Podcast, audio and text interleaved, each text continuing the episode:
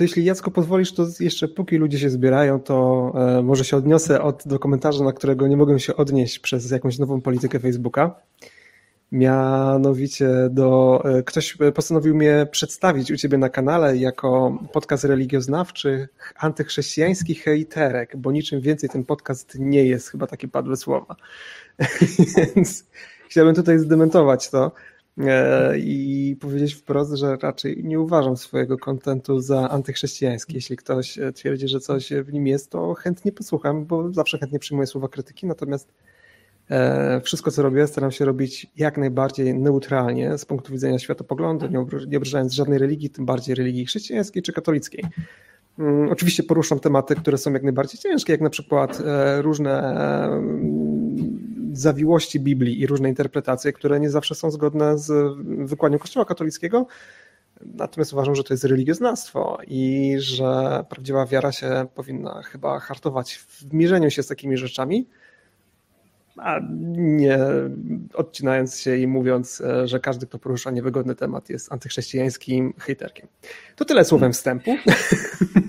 Tak, ale trzeba jeszcze trzeba jeszcze dodać, że Twoje stanowisko jest również stanowiskiem Kościoła, Kościoła katolickiego, e, przynajmniej od Soboru Watykańskiego I, jednak biblistyka jest dyscypliną normalnie uprawianą w Kościele katolickim mhm. i chociaż w tym wielkim dyskursie pro albo antymodernistycznym e, ma to jakby swoje kontrowersje, no ale jednak możemy i powinniśmy się mierzyć z tym, że, e, że oczywiście chrześcijanie uważają Pismo Święte za dzieło natchnione, na, natomiast mające wielu autorów, w sensie ma Boga oraz tych mhm. wszystkich ludzi, którzy, którzy działali w historii i w, tych, i, i w tym kontekście również jest ważne, aby, aby Pismo Święte e, aby Pismo Święte mm, no, poznawać, zgłębiać. E, no ale my dzisiaj będziemy znowu, tak, no, tak jak, tak jak i, w, i w zeszłym roku zbliżać się do, e, się do rzeczy związanych z naszym dzisiejszym świętem.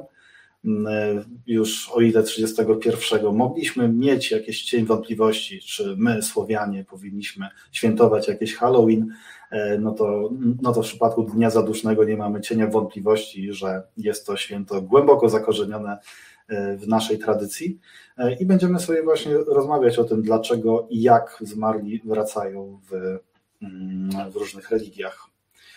No i powiem, mhm. że jest mi, jest mi bardzo miło, że po raz drugi udaje się nam spotkać na, spotkać na wspólnej prelekcji. No więc co, no przejdźmy. Tak? Czyli zacznijmy od tego, że podobnie tak jak trzeba zadać sobie pytanie, skąd wracali Litwini, no to skąd, skąd wracają zmarli. Zwłaszcza, mhm. że w wielu religiach oni nie muszą skąd wracać, bo oni tutaj są cały czas, tak? Więc, e, więc możemy sobie e, gdzieś tam puścić, e, jeżeli jeszcze tego w ramach Halloween nie zrobiliście, można sobie puścić ikoniczny film Spielberga, Poltergeist, tak? I prawda, tak jak, tak jak Carol Ann powiedzieć, they are here, bo oni jak najbardziej znikąd, znikąd, znaczy nigdzie nie poszli. W ogóle życie poza, pozagrobowe, czy nawet życie wygrobowe, no jest, jest, jest, jest doświadczeniem takim antropologicznym od, od czasów neolitycznych jesteśmy w stanie to, to, to gdzieś tam stwierdzić i często zmarli nigdzie nie idą. Oni cały czas są, gdzie się znajdują ich doczesne szczątki. E, no i, i, dalej mają, i dalej mają swoje potrzeby, tym bardziej, że różnego rodzaju bóstwa, demony, istoty wyższe nie spełniają ich potrzeb. W sensie to jeszcze mamy długo, długo później, że E, że tak jak, tak jak tak jak zresztą mówi nawet Bóg, nawet Bóg w Starym Testamencie, w Księdze Hioba jest tego dużo, tak? Masz mhm. czcić Boga, żeby On dał Ci długie życie, dał Ci, prawda, wiele wołów, dał Ci wielbłądy, dał Ci synów, e, natomiast no, w momencie, kiedy, kiedy Twoje życie dobiega końca, no to trochę nie wiadomo co dalej, tak? Jest się w jakimś szeolu, jest się jakimś cieniem, e, które dalej ma jakieś potrzeby, więc, więc pierwsza opcja jest taka, że gdzieś ci zmarli tutaj są, gdzieś oni krążą, nie tylko w jednym dniu, dniu w roku, ale mogą być w różnych miejscach. E, inna, inne lokalizacje zaświatów, które gdzieś tam kojarzymy, e, no to może być to oczywiście świat podziemny, I, i to widzimy, widzimy to świetnie w rozwijającej się religii starożytnej Grecji. Albo tutaj wspomnę, że ja będę się tradycyjnie raczej odnosił do tego kręgu, który nas tutaj w Europie bez, bezpośrednio do, dotyka, natomiast szersze profesjonalne spojrzenie będzie tutaj e, zawdzięcz, znaczy będziemy to, za, to zawdzięczać Mikołajowi, widzimy, widzimy Tartar, widzimy Hades, mhm. tak, widzimy miejsce, gdzie ci zmarli gdzieś tam z bóstwami e, ktonicznymi e, przebywają, ale jak możemy sobie prze, przeczytać w takiej Odysei, kiedy, kiedy Odyseusz potrzebuje wywołać duchy zmarłych, a przede wszystkim ducha wieszcza e, Terezjasza, no to jest gdzieś na dalekim, na dalekim zachodzie, tam gdzie umiera słońce e, i tam również są właśnie zaświaty, tam się zbierają duchy, których jest, jest tak wiele i są tak przerażające, że nawet Odyseusz e, nie wytrzymuje zbyt długo kontaktu z nimi. Zresztą to akurat w Odysei mamy, mamy tę wspaniałą wypowiedź Achillesa, że wolałby być żywym parobkiem niż martwym Achillesem, dlatego że, że, że bycie cieniem y, nie ma, nie ma w sobie absolutnie żadnego powabu, więc o ile e, od, od pewnego momentu, mniej więcej od, od epoki klasycznej, helenistycznej, e, w starożytnej Grecji jest oczekiwanie na to, że jednak to przyszłe życie będzie fajniejsze, to bardzo często, co widzimy nawet i w tych, tych tak zwanych ludowych wierzeniach, bycie zmarłym nie jest fajne. Mhm. Bycie zmarłym nie ma, nie ma takich atrakcji, jakie ma, e, jakie ma bycie żywym. E, I dlatego też wracają, tak? no, bo, no, no bo prawdziwe życie jest tutaj, a niekoniecznie tam po tej drugiej stronie wieczności.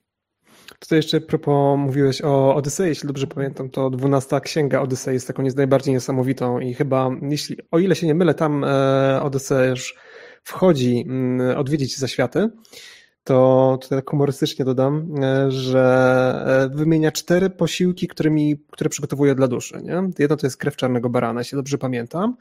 Drugie to jest e, wino, trzecie to jest mleko, a czwarte to jest woda zmieszana z mąką. I temat w ogóle przywoływania duchów i, ob, i obecności ze zmarłymi, którzy są mile widziani i niemili widziani, są dość ciekawym, znaczy dość ważnym wątkiem w książce Dziadek Część Piąta Dziady, które nie sprzeszają, czyli nie spieprzają, czyli humorystycznej grze paragrafowej.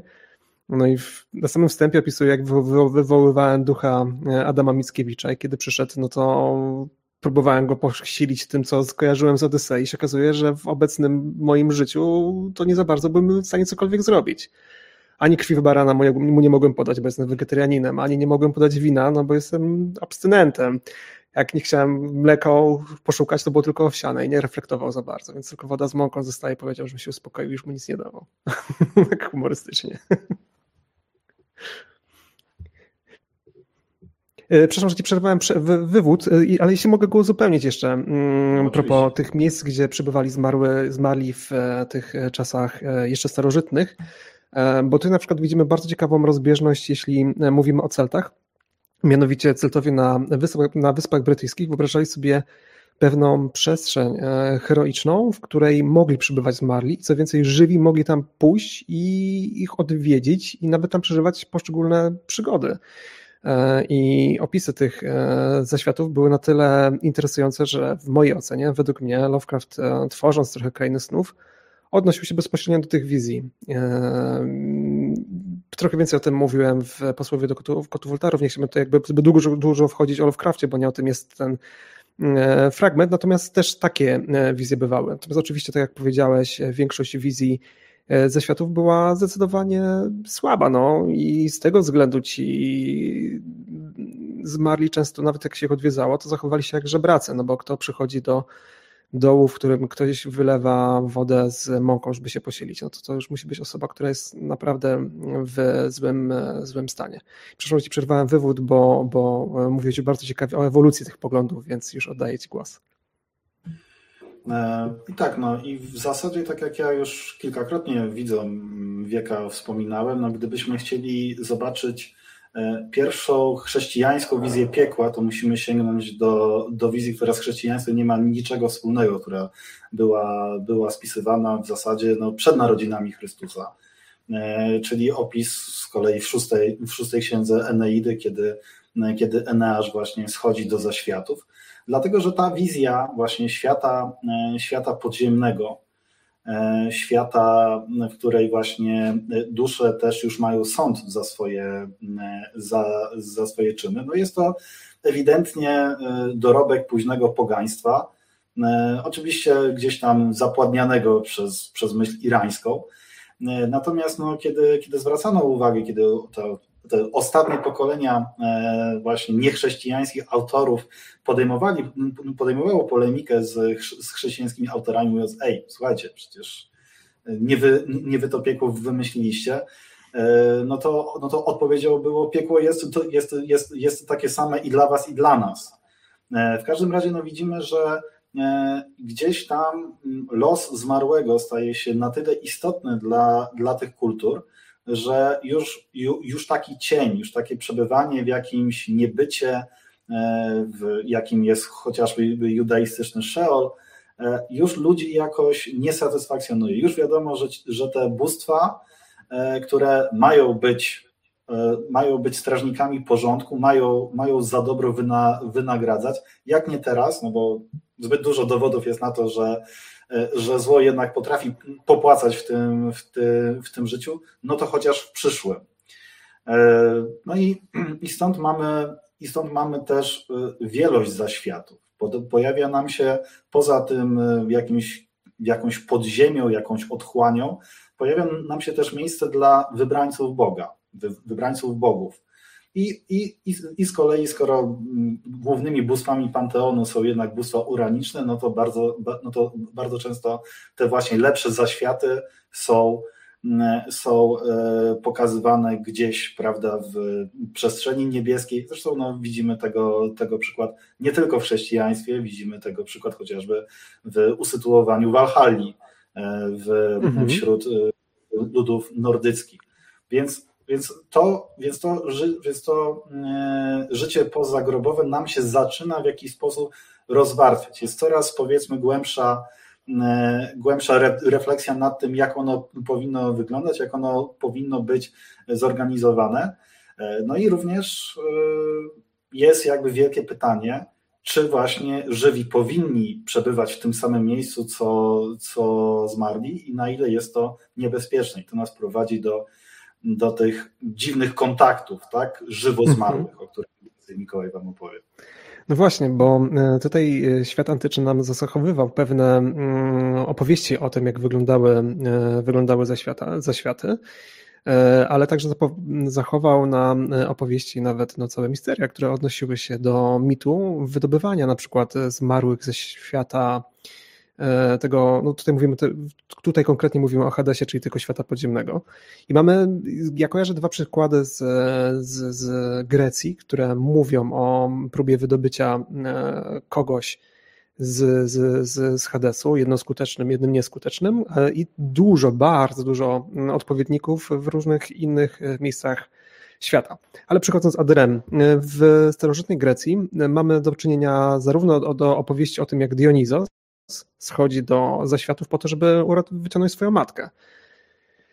I dlaczego wyciąga Bóg swoją e, matkę ze światu? W ogóle o co tutaj chodzi? Dlatego, że Dionizos e, według mitów był synem śmiertelnej kobiety, która chciała mieć to wielkie błogosławieństwo, że chciała spojrzeć w oblicze Boga, dokładnie tam konkretnie w Zeusa. I spojrzenie w oblicze Boga jest czymś, co w świecie starożytnym, przynajmniej w tym okręgu bliskim Morza Śródziemnego i w ogóle Lewantu na przykład, jest czymś bardzo niebezpiecznym. No skończyła w ten sposób, że po prostu spłonęła żywcem, ale jej dziecko nie spłonęło i tak się narodził Dionizos. Ale Dionizos w pewnym momencie stwierdził, że wyciągnie swoją matkę i według różnych, e, mity oczywiście ma, mają różne wariacje, natomiast z tego, co dotarłem do informacji takich najbardziej powtarzających się, to udało mu się ją wyciągnąć i ona sama została wówczas apoteozowana, czyli została także mm, boginią. E, tutaj mam jednak trochę przepaść, tak, bo to istota, która była de facto boska, schodzi do świata podziemnego, dominium innego Boga, to jest to troszeczkę coś innego niż na przykład ludzie schodzący do,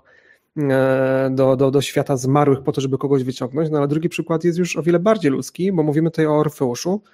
E, istocie także oczywiście w pewien sposób apoteozowanej, ale jednak on był bardziej ludzką istotą, który poszukał swojej żony i próbował ją E, wydobyć ze świata podziemnego. Tutaj mamy jednak e, historię, która jest o wiele bardziej tragiczna, ponieważ e, dostał zgodę na wydobycie jej z tego świata podziemnego pod jednym warunkiem. Nie może się obrócić ale stęskniony był tak bardzo za tą swoją mm, ukochaną, że chciałem się odwrócić ją pocałować, no i wówczas przegrał wszystko. Ona musiała wrócić do świata podziemnego, a on e, żyć e, życie strasznie nieszczęśliwego człowieka. Na końcu go bachantki rozszarpały, co chyba było pewną ulgą dla niego, chociaż są też inne wariacje mitu, na przykład takie, że poszedł sobie do Tracji i wynalazł homoseksualizm, żeby nie rozpaczać za tęsknotą za kobietą.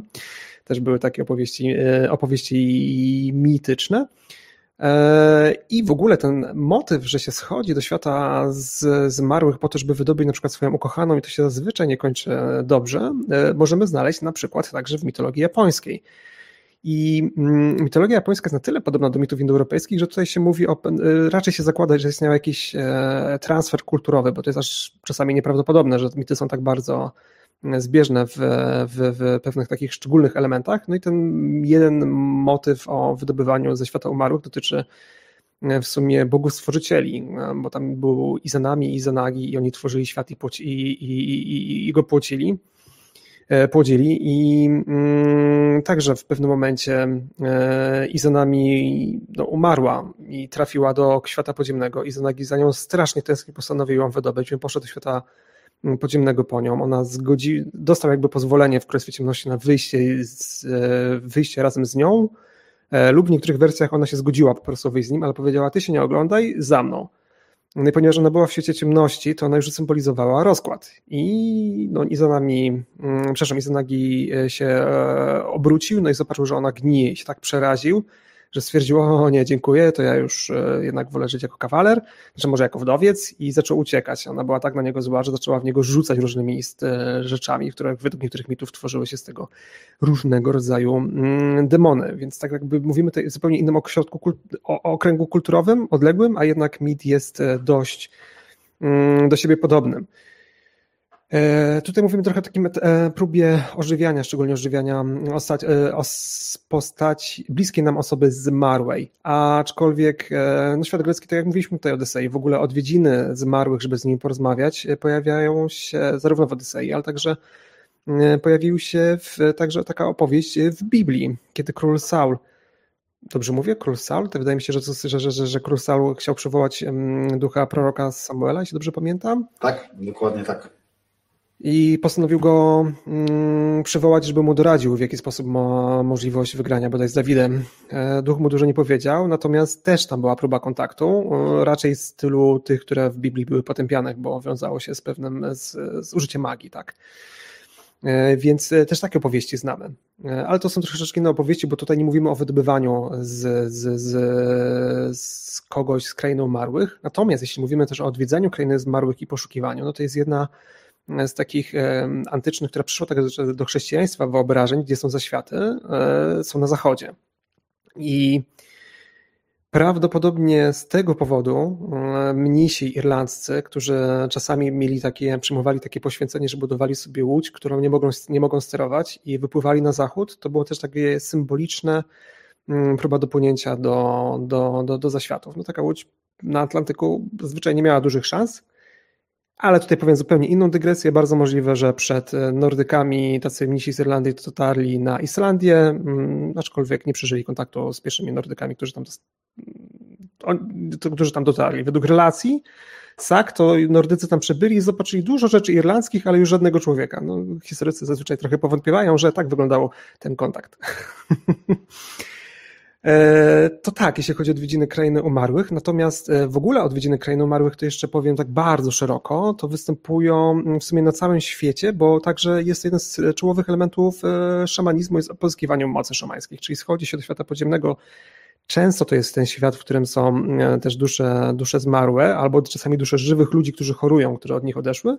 No i taka podróż ma na celu albo uzdrowienie, albo uzyskanie poszczególnych mocy, ponieważ szamanizm jest czymś, co jest jakby podłożem bardzo wielu zjawisk religijnych, e, wyobrażeń może religijnych, bo pewne religie mogą być sprzeczne z szamanizmem, ale wyobraźnia ludu cały czas gdzieś wraca do tych e, mitów szamańskich, to e, no to z tego względu te opowieści o schodzenia do świata, do świata umarłych są i między innymi bardzo żywotne były też w Tybecie gdzie kiedy buddyzm się pojawiał, on w pewnym, w dużej mierze mieszał się z przedbuddyjską religią Bon i chociażby z tego względu mm, buddyści tybetańscy mają coś takiego jak tybetańska księga umarłych. Podobno podyktowały to pewna właśnie klasa osób, która zeszła do świata podziemnego, wróciła stamtąd i podyktowała różne e, przypowieści o tym, co zrobić, żeby odpowiednio się odrodzić, ponieważ oni byli w bardo, czyli w tym stanie, gdzie trafiają dusze zanim się odrodzą i mogli o tym dużo ciekawych rzeczy powiedzieć.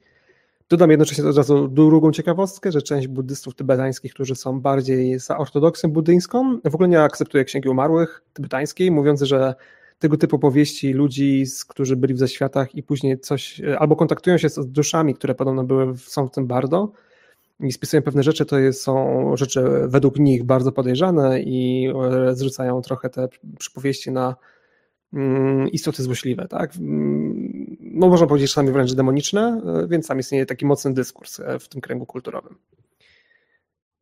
To tak z krótkim słowem wstępu, bo oczywiście można by o tym godzinami mówić, ale wydaje mi się, że to tak troszeczkę zarysuje, zarysowuje ten obraz. Tutaj ja sobie dodam, bo to pewnie e, te właśnie dygresje i odnoszenie się to będzie takie, e, no jedyny tak, taki moment, kiedy będzie, będzie trochę skrzyć w czasie, tej, w, takie, w czasie tej dyskusji, bo nie jest rzeczą zaskakującą, żeśmy po prostu wspólnie ustalili, co będzie który mówić, ale na tyle e, skrótowo, że, że będziemy sobie dopowiadać. E, więc co do, co do historii e, Saula, to raz, że fanom Gwiezdnych Wojen będzie łatwo zapamiętać e, skąd była czarownica, dlatego że czarownica była z Endor, to tak jak ten, ten księżyc z, z ewokami, więc jest to, jest to dosyć łatwe do, za, do, do zapamiętania. I tam rzeczywiście to jest fragment, który jest bardzo często przywoływany, dlaczego chrześcijanie nie mogą przywoływać duchów. Natomiast jak się wczytamy w ten fragment, to jak się ostatecznie pojawia prorok Samuel i rozmawia z Saulem, to on nie rozmawia o tym, że nie mówi mu, że prawda, źle, źle zrobił, y, że, mm, że go przywołał, tylko że, że źle zrobił, że przekroczył nakaz pański, który mu kazał y, wymordować wszystkich, łącznie z niewolnikami, łącznie z, ze zwierzętami i dlatego no już nie będzie żadnej, żadnej dyskusji między Jachwę a Saulem, tak, już owszem, jest jakby, jest jakby poma, pomazańcem, ale łaskę Bożą już, już ostatecznie stracił, więc jak sobie właśnie mhm. czytamy e, książki w stylu e, Okultyzm jako niewierność e, fundamentalna ojca Aleksandra Posadzkiego, którego znamy jako redaktora naczelnego takiego pisma Egzorcysta, no to, no to, no to się, no to jeżeli nie mamy tekstu pod, pod ręką, to jesteśmy zdani na bardzo dosyć naciąganą interpretację, chociaż oczywiście mhm. jest mnóstwo fragmentów w Biblii, które, które wprost mówią, że, że, że nie można uprawiać wróżbiarstwa, że to powinno być karane śmiercią, łącznie prawda, ze, ze tam słynnym nie pozwoli żyć, nie pozwoli żyć czarownicy. E, mhm. Natomiast oczywiście... Liczb, hmm? jeśli dobrze pamiętam, te przekazy są, jakby ktoś mhm. był zainteresowany. Mhm. Tak. E, w każdym razie oczywiście właśnie ta kwestia, kto będzie, e, kto może odwiedzać zaświaty i co wynika z tej wiedzy płynącej z zaświatów jest czymś e, dosyć rozpowszechnionym i o ile jeszcze no właśnie w przypadku religii pogańskiej mamy to jakby ukryte za misteriami, misteriami orfickimi, czy właśnie tymi, tymi związanymi z kultem o, o bogini Demeter, która, która, która traci swoją córkę w zaświatach, ale ją czasowo odzyskuje. E, o tyle w przypadku już wierzeń chrześcijańskich mamy do czynienia z no, bardzo konkretnym autorytetem. Mianowicie mamy, e, mamy jednego mm, apostoła, tak, i to tego powiedzmy najważniejszego z drugiego rzutu apostołów, który podobno był w zaświatach, czyli, czyli święty Paweł, tak, który niestety w swoich listach E, no, bardzo się kryguje, żeby absolutnie nie, po, nie powiedzieć niczego szczególnego o tym, mówiąc o tym, że o, oko nie widziało, ucho, ucho, ucho nie słychało, nie, nie, słuchało, w każdym razie było, było fajnie i warto się starać. E, natomiast e, to oczywiście rozbudza ciekawość. Rozbudza ciekawość do, do tego stopnia, że mamy kupę apokryfów, które właśnie dają ten opis, zarówno opis piekła, który no, jest dosyć jednak mocno oparty na e, szóstej księdze e, Eneidy. E, no ale mamy, mamy też opis tego wstępnego raju, który jest naziemny, tak? Są to jakieś wyspy szczęśliwe, gdzieś właśnie daleko, daleko na, na zachodzie. Czasami są tam te umiejscowione dusze na, na tyle zba, zbawione, żeby nie były w piekle, ale nie tyle, e, ale takie, które, które nie, nie zasłużyły na to, żeby, żeby pójść do właściwego nieba, a nawet do jednego z siedmiu nieb, dlatego że ta topografia niebiańska e, też jest, e, te, też jest dosyć ambitna, też jest taka dosyć mistyczna w pierwszych wiekach chrześcijaństwa. E, natomiast no, jest to bardzo poczytna literatura i opisy różnych e, też świętych, którzy byli w zaświatach. E, jest to, jest to dosyć popularny motyw literatury hagiograficznej. No i oczywiście na to się narzucają różne inne opowieści, bo takich wejść do piekła, wejść do, mm, wejść do czyśćca czy, czy czyśćców jest oczywiście bardzo wiele. Każdy szanujący się wulkan, czy każde miejsce, z którego wydobywa się metan bądź siarka może być właśnie e, takim, takim miejscem. E, I to nas prowadzi do czyśćca. Czyśćca czy też czyśćców, bo, no bo tutaj też często pada liczba mnoga jako takiego miejsca, no właśnie, które albo jest czasowym piekłem, E, i po prostu za, za nasze grzechy nam, e, nam diabły od, od, odmierzają, co się, e, co się należy, co jest powiedzmy zgodne z takim bardzo starotestamentowym ujęciem diabła, który jest nazwijmy to urzędnikiem, prokuratorem Boga, a nie jego, a nie jego przeciwnikiem. przeciwnikiem. Mhm. No albo jest to po prostu miejsce właśnie ogniste również, ale jest to, jest to miejsce po prostu oczyszczenia. I do takich, i na, i na miejscu takich takich czyśćców bardzo często są irlandzcy mnisi, nawet jeżeli jesteśmy w Germanii, czy jesteśmy na terenie Galii, to i tak są to mnisi irlandcy, e, którzy chronią te, te, te miejsca, żeby się tam byle, byle kto nie pchał. Jeżeli chcemy bardzo mocno odpokutować nasze grzechy, no to właśnie schodzimy do takiej pieczary, jesteśmy poddani próbie i jeżeli my, te, my tę próbę przejdziemy, no to będziemy mogli żyć już bez tych, bez tych grzechów a jeżeli nie, no to cóż, no, mamy, mamy, zapra, mamy zapewniony wieczny pobyt, tak? bo, no, bo skoro się nie okazaliśmy wierni, e, no to, no to idziemy tam, gdzie jest, e, no, gdzie jest płacz i zgrzytanie zębów. Więc, więc to są takie, takie pierwociny czyśćca bądź, bądź czyśćców, które są paradoksalnie dosyć wczesne, natomiast jako, jako dogmat i miejsce, którymi się chrześcijanie interesują, e, potem już tylko katolicy w zasadzie, Mhm. E, to będzie, to będzie do, do, do, dopiero wiek, wiek XIII. I wtedy są, są rozpowszechniane różnego rodzaju, jak to ładnie mówi, nauka klechdy czyścowe. E, więc chciałbym Wam takie dwie, dwie opo, opowiedzieć, bo są fajne historie, bardzo je lubię. Więc oczywiście pierwszą pewnie znacie, bo, no bo z niej się biorą tak zwane msze gregoriańskie. Był taki papież, nazywał się Grzegorz Wielki, jest zresztą doktorem i świętym Kościoła katolickiego. Fajny facet, zachowała się praktycznie cała jego cała jego mm, ta e, e, no, korespondencja dyplomatyczna, którą, którą, którą prowadzi z szeregiem krajów, krajów europejskich, zresztą prowadzona w bardzo fajnym stylu, bo się go tam pytają władcy, co mają robić, a on im odpisuje, no nie wiem, jesteście władcami, no ale jesteście przecież, jesteście przecież chrześcijanami, no to, no, no to prawda, traktujcie E, sprawy poważnie, natomiast był też wielkim zwolennikiem prawa rzymskiego, więc dzięki temu trochę nam się po tych barbarzyńskich czasach ostało. Mhm. E, w każdym razie on odprawiał mszę za jednego ze swoich kapelanów, który był kiepskim kapelanem, e, więc stwierdził, że tych modlitw potrzebuje. No i po, po odprawieniu takiej, ta, takiej mszy na, nawiedził go ten, go, go, go, ten mnich, trochę mu wyrzucając właśnie, że, go, że tę mszę odprawiał tak na, tak na odwal się, on, tej, on tych modlitw bardzo, bardzo, bardzo potrzebuje.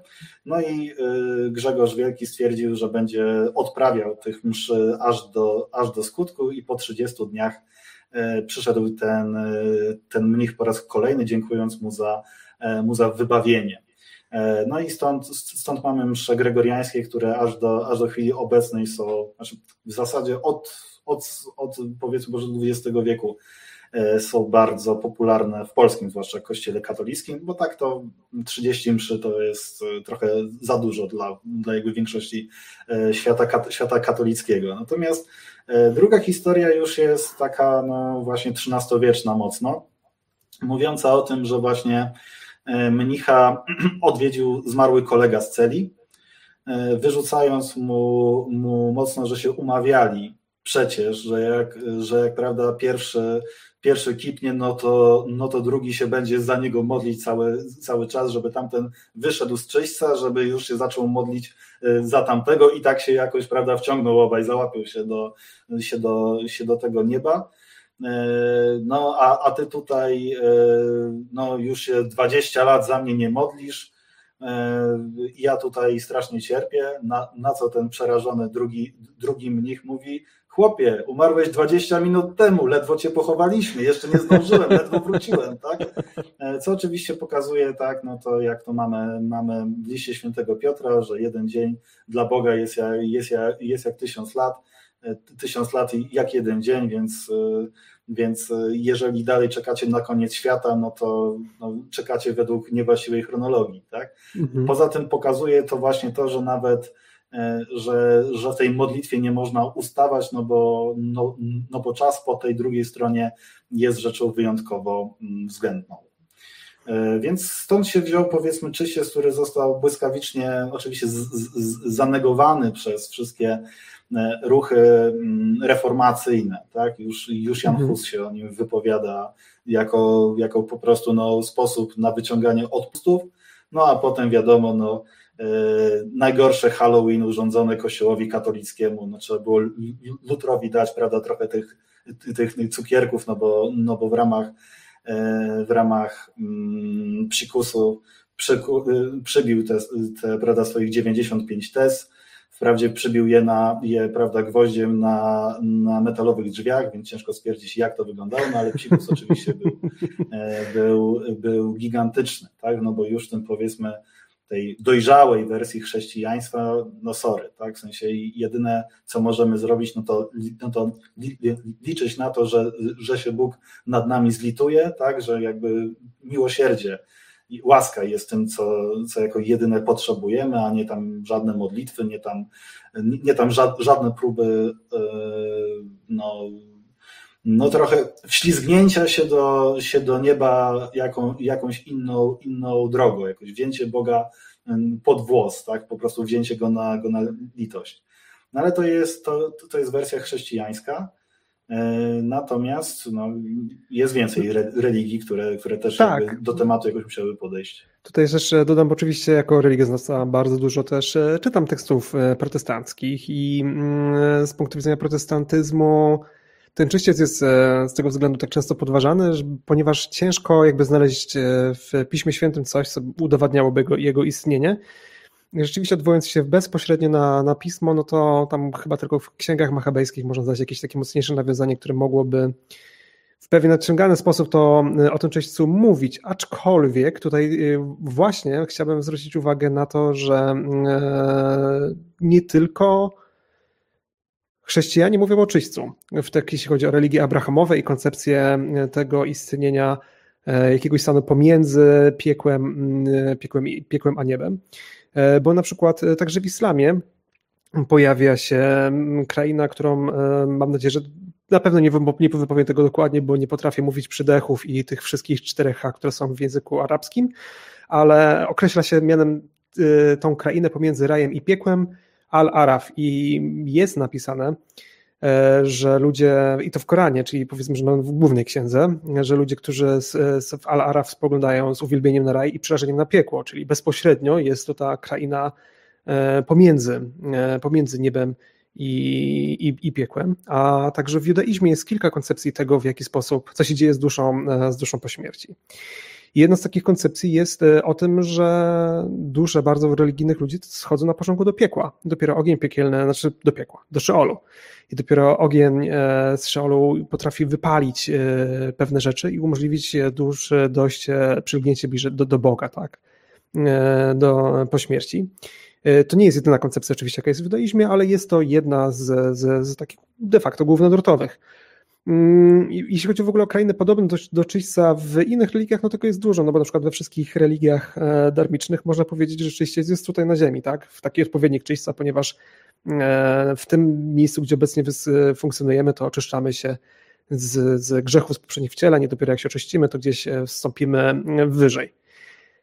Natomiast tutaj nawiązując jakby w ogóle do tych, skoro mówiliśmy tutaj o koncepcjach piekła, nieba i tak dalej w innych religiach niż chrześcijaństwo, w religiach abrahamowych, to E, też chciałbym zwrócić pewne, na pewne podobieństwa w ogóle między chrześcijaństwem, także mm, może nie takim super kanonicznym, ale takim bardziej e, powszechnym, ludowym e, w pewnych wyobrażeniach. Chociaż tak naprawdę czasami się gubię w tym, co jest już kanoniczne, a co nie jest kanoniczne. Mianowicie teoretycznie mm, no, wiara w sąd ostateczny i że dopiero w czasie sądu ostatecznego ludzie, dusze są przeznaczone na to, że pójdą do piekła czy do nieba, że to jest to miejsce, w którym są wyznaczane te rzeczy, to występuje i w islamie, i występuje w chrześcijaństwie. Aczkolwiek e, muzułmanie też wierzą, że tuż po śmierci przychodzi dwóch aniołów, którzy przychodzą przypytać zmarłego z różnych e, rzeczy dotyczących jego życia i wiary. I wówczas, jeśli to jest bardzo święty człowiek, to może on od razu, jego grup staje się rajem wówczas. I to ma dużo w ogóle jeszcze dużo ciekawych rzeczy się, się dzieje wokół takiego świętego grobu, który staje się rajem. E, natomiast bardzo to odpowiada wyobrażeniu też przemieki. Ja znam z środowiska mm, moich bliskich, którzy są mm, katolikami, którzy mówią o tym, że, że na przykład jeśli um, ktoś umierał, kogo uważali, że jest e, super, super e, religijny, no to on trafia od razu do raju, nie musi czekać na ten sąd ostateczny. E, I tak samo z piekłem. I znam wiele takich, takich opowieści, może nie kanonicznych, ale dotyczących o tym, jak ktoś zły umierał i czuć było przy jego grobie zapach siarki. To tak samo w islamie wierzy się, że jeśli ktoś był bardzo zły, to jego grup staje się od razu piekłem i, i, i tam przybywa. Mimo, że tak naprawdę jakby te główne podstawy wiary mówią o tym, że czekajmy na sąd ostateczny i wtedy zobaczmy, gdzie dana dusza mm, trafi, tak? Czyli to jest dość duże podobieństwo. E, natomiast zamykając jeszcze tutaj ten temat religii abrahamowych, to mówiłem o tej koncepcji mm, zejścia do, do, do, do, do mm, judaistycznego odpowiednika piekieł, żeby oczyścić się, z, z, żeby wypalić sobie te grzechy i dopiero później wznieść się bliżej Boga. Mm, to w judaizmie także mamy po pierwsze wyobrażenie o tym, że czekamy na zmartwychwstanie ciała na koniec światów i wówczas dopiero ludzie e, trafiają do niebieskiej Jerozolimy i żyją blisko Boga, ale także duża ciekawostka, nie wszyscy, nie wszyscy sobie zdają z tego sprawę, że w judaizmie jest bardzo mm, w pewnych kręgach judaizmu, szczególnie hasyckich, jest bardzo mocno osadzona wiara w wędrówkę dusz. E, I to jest, e, większość hasydów mówi, że to nie jest reinkarnacja, że oni się bardzo często oburzają, kiedy się mówi, o, to też wierzycie w reinkarnację. No, no nie, to, to, to oni uważają, że to nie do końca tak to wygląda. E, natomiast patrząc na to, jakie są różne koncepcje reinkarnacji, ciężko mi nie widzieć podobieństw. Mm, I żeby może przedstawić Wam, jak wygląda ta koncepcja wędrówki dusz żydowskiej, od razu powiem, nazywa się Gilgul jest cały traktat w ogóle o tym Hagil Gul, który opowiada o, e, o tej wędrówce dusz. E, puszczę fragment świetnego filmu przedwojennego w produkcji, powiedzmy, że powstał na terenie Polski, natomiast jest to pierwszy film w języku jidysz, gdzie jest gdzie, mm, gdzie, gdzie, gdzie Baltow, czyli pan dobrego imienia, czyli de facto sługa Boży, tłumaczy koncepcję Gilgul i sprostowuje pewne wyobrażenia, mówi bohaterka. Mam nadzieję, że uda się puścić. I chyba nie jestem w stanie. Honen, mój oblubieńcu, przyjdź na moje wesele.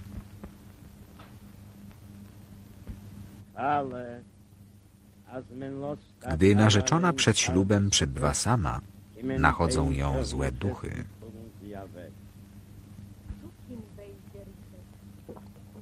To są przedwcześnie zgasłe dusze, które odchodzą na wieki.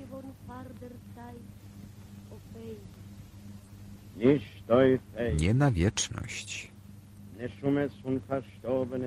Dusze zmarłych wracają na ten świat. Wędrują aż do czasu, kiedy dostąpią wyzwolenia. Grzeszne dusze wcielają się w zwierzęta, w ryby, a nawet w rośliny. Zdarza się, że zabłąkana dusza wstępuje w ciało osoby, która była jej droga.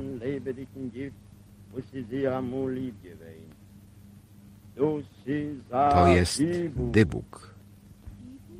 Dybuk?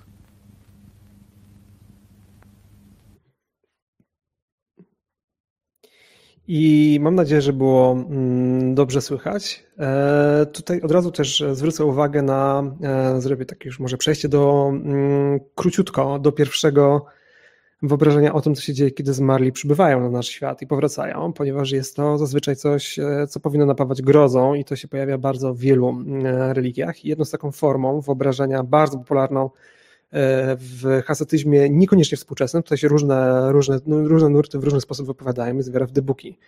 Czyli właśnie taka dusza pokrążąca po, po świecie i podróżująca może przylgnąć do żywego człowieka i go po prostu opętywać.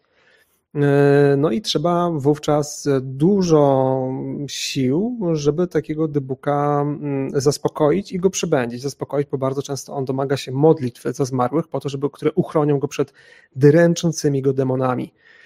E, I propos aha, teraz jak, w jaki sposób można się pozbyć dybuka, to króciutko podam remedium, że to jest sąd rabiniczny albo właśnie pan dobrego imienia, jeśli jest szczególnie silny, to może takiego dybuka e, odprzepędzić. I nic, nie będę tego dłużej roz, rozwijać, ponieważ to jest tak naprawdę o dybukach można byłoby zrobić zupełnie osobny odcinek. E, polecam dramat Szymonanskiego Dybu, który świetnie pokazuje e, środowisko wiary w dybuki, wyobrażeń w dybuki. E, równie dobrze polecam film Dybuk, który to w ciekawy sposób przedstawia. Natomiast rzucę taką właśnie religioznawczą ciekawostkę na temat wyobrażeń tego zmarłego, które wraca do żywych, przylgnie do kogoś i stara się komunikować, żeby różne rzeczy E, zdobyć, e, to na Netflixie możecie zobaczyć e, Tajemnica Buriali, film dokumentalny, który traktuje o przypadku opętania dybułkowego w Indiach, teoretycznie w rodzinie i w kręgu kulturowym, w którym za bardzo, za bardzo wiara w dybuki nie występuje. A jest to sprawa no, szczególnie brożąca krew w żyłach, ponieważ zakończyła się zbiorowym samobójstwem rodziny które postanowiły odprawić rytuał, które duch zmarłego ojca, podobno duch zmarłego ojca, kazał im wykonać.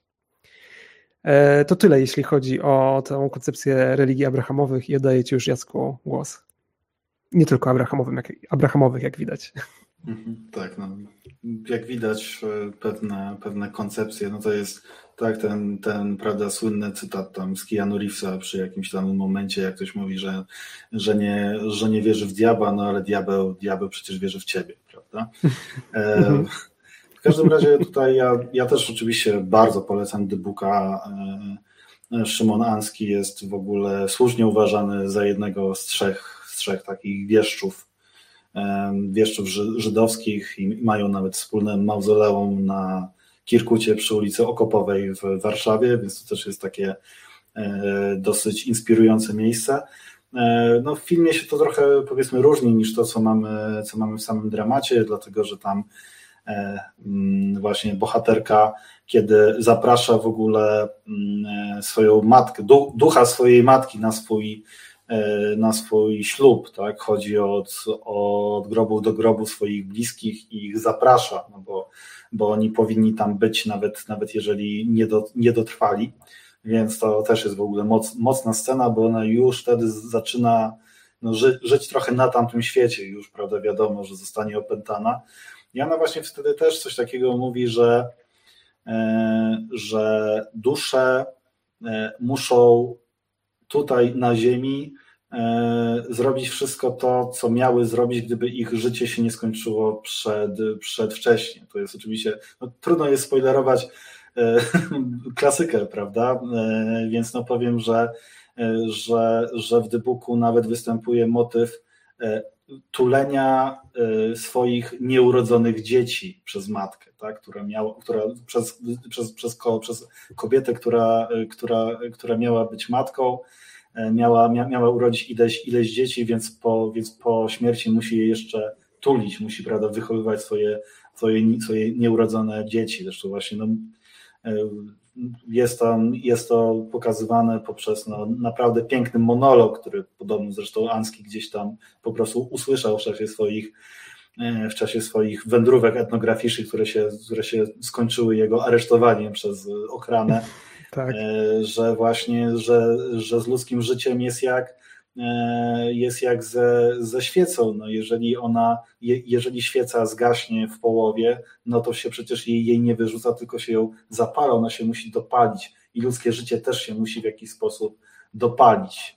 To wszystko zresztą no, bardzo, bardzo blisko współgra z tą powiedzmy ludową wersją chrześcijaństwa, która jest na, jest na ziemiach polskich. Pamiętajmy o tym, że od epoki nowożytnej zasadniczo e, ludność żydowska się zbliża do, do swoich chrześcijańskich sąsiadów. Od wieku XVIII, przełomu wieku XIX, to, to w ogóle już mówimy o pełnej wymianie e, różnych, różnych wierzeń, więc zwłaszcza folklor żydowski jest wyjątkowo płodny i bardzo wpływa na to, w jaki sposób prawdziwi, prawdziwi katolicy, prawdziwi Polacy z dziada, z dziada, pradziada podchodzą do spraw nad, nadprzyrodzonych. E, I właśnie ta koncepcja, że no, nie można opuścić tego świata, zanim się pewne rzeczy nie wydarzą, nie wykończą, e, no sprawia, że, że, po, że, że, że, że po pierwsze unika się kościołów no, nocami, bo tam zmarli pokutują za swoje grzechy, E, mamy różnego rodzaju też dosyć takie śmieszne historie, jak, e, jak leniwy chłop, który, który po nocy musi po śmierci odprawiać pańszczyznę, zanim, zanim zostanie puszczony dalej.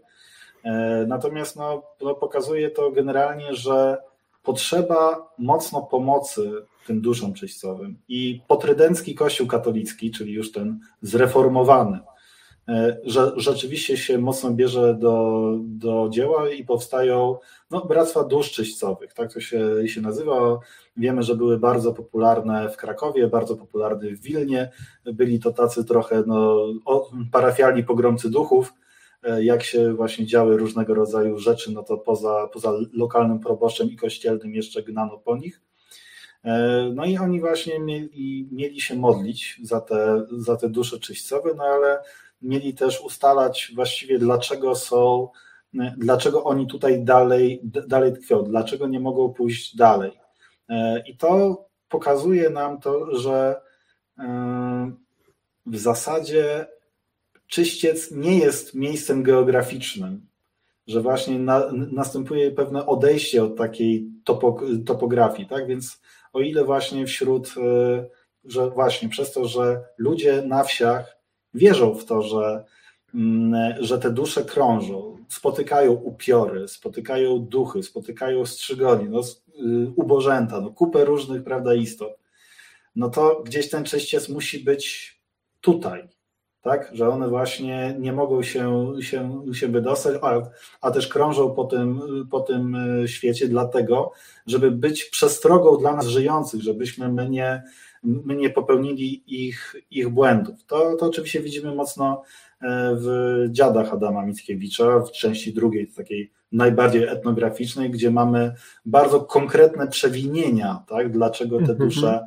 e, dlaczego te dusze e, nie mogą zaznać spokoju. Ja jeszcze powiem tylko taką też dosyć zabawną historię, ale bardzo dobrze opisaną, z pełnym, z pełnym protokołem, który się w, w Muzeum Książąt Czartoryskich zachował.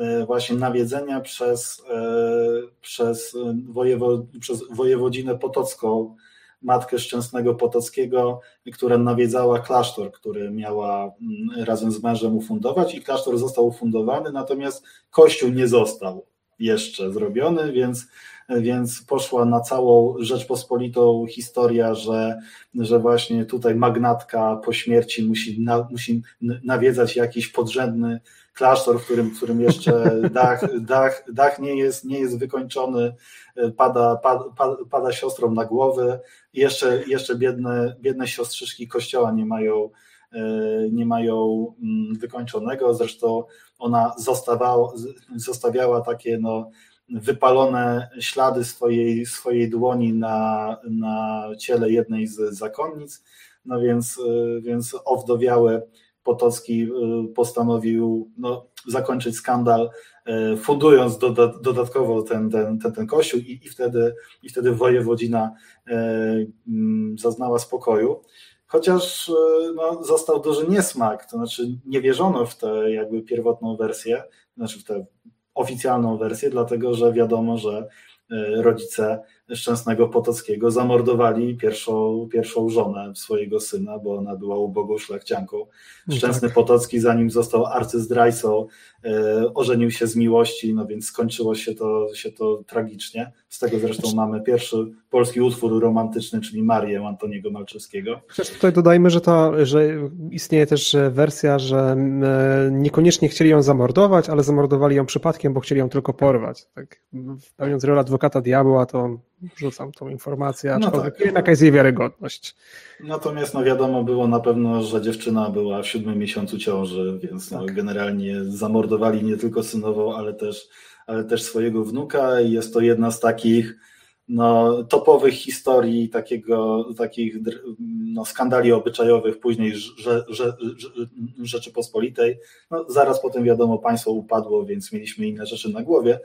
E, natomiast rzeczywiście sprawa została dosyć mocno zbadana przez e, biskupa Przemyskiego e, i z tego zachowały się po prostu wspaniałe protokoły, które zresztą zostały zdigitalizowane, więc, więc też można. Ja tam na wieku jakiś czas temu też o tym wspominałem, jest zresztą dosyć interesujący, interesujący artykuł. No w każdym razie no, ta taka zażyłość, coraz większa świadomość tego, że ci zmarli E, nas potrzebują, jest takim wielkim wstępem do, do romantyzmu i po prostu wielkim oskarżeniem w kierunku kla, klasyków, w kierunku oświeceniowców, którzy tutaj z pogardą, prawda, w swoim szkiełku i oku się, się wypowiadają o tych wszystkich duszach, które cierpią i potrzebują naszej, naszej pomocy. Więc trochę sobie właśnie teraz E, właśnie przejdziemy do tego, no co na złość e, oświeceniowcom można było robić, żeby tym powracającym duszom jednak pomóc. Tak, to e, wyrzucę jeszcze taką jedną ciekawostkę może w, w tym wywodzie mm, dotyczącą jak najbardziej w, może nie romantycznych, przepraszam, że zrobię taki wyskok, ale współczesnych, bo nie wszyscy sobie zdają sprawę, że takie wyobrażenia, że jakaś dusza chodzi i cierpi i czasami domaga się, by dać, za nie, by dać za mszę na nią i dopiero później odpuszcza, E, jest to wyobrażenie bardzo żywe w, w polskim katolicyzmie i ja sam e, obecnie w Krakowie mieszkam w takim domu, w którym ponoć przybywał e, duch pewnego księdza i który odszedł po tym, jak pewna osoba dała na nią zamszet, bo zanim ja tam mieszkałem, natomiast taka historia krąży o, o, o tym domu i trochę czuję się tutaj, e, ciężko mi mówić o pewnych rzeczach, bo mówię, dotyczą to ludzi, których znam, którzy są troszeczkę znani i nie, nie wiem, czy sobie życzą, żeby wiązać ich z pewnymi rzeczami. Natomiast jest, znam też pewną um, osobę, która jest blisko spokrewniona z księdzem egzorcystą, I o dziwo nie jest to egzorcysta, który chodzi e, wypędzać duchy, które, przynajmniej to nie jest jego podstawowe zadanie, które wypędza duchy z, z, z osób opętanych, natomiast jeździ po kościołach, w których się dzieją dziwne rzeczy i przegląda księgi, czy wszystkie zamówione msze zostały odprawione. Jeśli nie zostały odprawione, no to wówczas nakazuje, żeby odprawiać i dopiero później w kościele danym przestają się dziać dziwne, niepokojące E, niepokojące rzeczy. Natomiast e, propos, mm, propos, propos pomagania mm, duszom, tak, które, które, które gdzieś e, krążą, nawiązując do romantyzmu, no to Mickiewicz zrobił bardzo tutaj ciekawe mm, połączenie, bo z jednej strony do tego wyobrażenia, które, się, które było już budowane wcześniej, dorzucił obrzędy, które no, najprawdopodobniej były starsze. Bardzo istnieje prawdopodobieństwo, że były starsze niż chrześcijaństwo, mianowicie dziady. E, od razu z propos sprostowania, że nie takiego, pozwolę sobie znowu na dygresję, czyli do hasła e, bardzo silnego na Facebooku, szczególnie słowiańskim Facebooku, że jak jesteśmy Polakami, nie obchodźmy Halloween, tylko obchodźmy dziady, to chciałbym zwrócić uwagę, że na terenach ziem dawnych polskich dziady obchodzono, ale nie na terenach współczesnej Polski. Jakby to raczej jest mało prawdopodobne, że tutaj by taki obrzęd był obchodzony w taki sposób, jak opisywał Mickiewicz. Jest to obrzęd bliższy e, Rusi, części Rosji i krajów bałtyckich oraz Estonii, gdzie, gdzie, gdzie, gdzie te dusze tradycyjnie przyjmowano na ucztach. E, mniej więcej od października do, do listopada, to w różny sposób.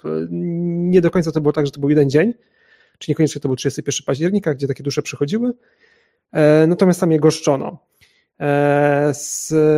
Mickiewicz opisuje rytuał dziadów, który się odbywał na cmentarzu i tak, dziady czasami odprawiały na cmentarzu, natomiast było to już dość późny obrzyd, ponieważ kiedyś co Jacek już e, bardzo fajnie mówił w swoich wykładach niejednokrotnie i w podcastach, które są też rewelacyjne, więc polecam je na Spotify'u, bo jestem fanem twoich podcastów, jeśli nie wiedziałeś, to wszystkie przesłuchałem, które, które, które tam zamieściłeś, więc zamieszczaj dalej, bo jakoś tam długo nie widziałem aktualizacji. E, to kiedyś nie było takich cmentarzy, e, przy, jakie, jakie, jakie znamy współcześnie. Nawet te cmentarze, które były e, przykościelne, kiedyś też nie były tak rozbudowywane w różny inny sposób.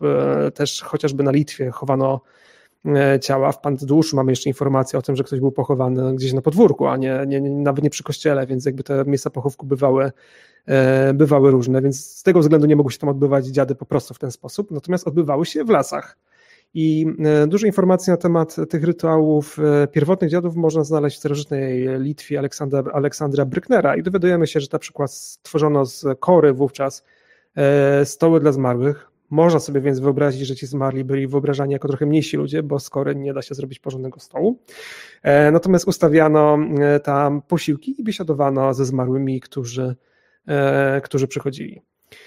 E, I propos nie tylko e, w, na Litwie mówi się bodaj ingles na, na dziadę, nie pamiętam jak się mówi w Estonii, natomiast e, pięknie przedstawione goszczenie zmarłych właśnie w tych czasach, kiedy były obchodzone dziady, jest to pięknie przedstawione w filmie Listopad, który gorąco polegam, polecam wszystkim fanom Mówi Wielki Podcast Religioznawczy, bo sądzę, że każdy z Was będzie tym filmem zachwyconym. E, I od razu dodam, że najdziwniejsze wizje, jakie są przedstawiane w tym filmie dotyczących goszczenia zmarłych, to są rzeczy, które znajdowałem w różnych innych miejscach. I pozwolę sobie tutaj powiedzieć o, e, o, o, o takich e, wizjach.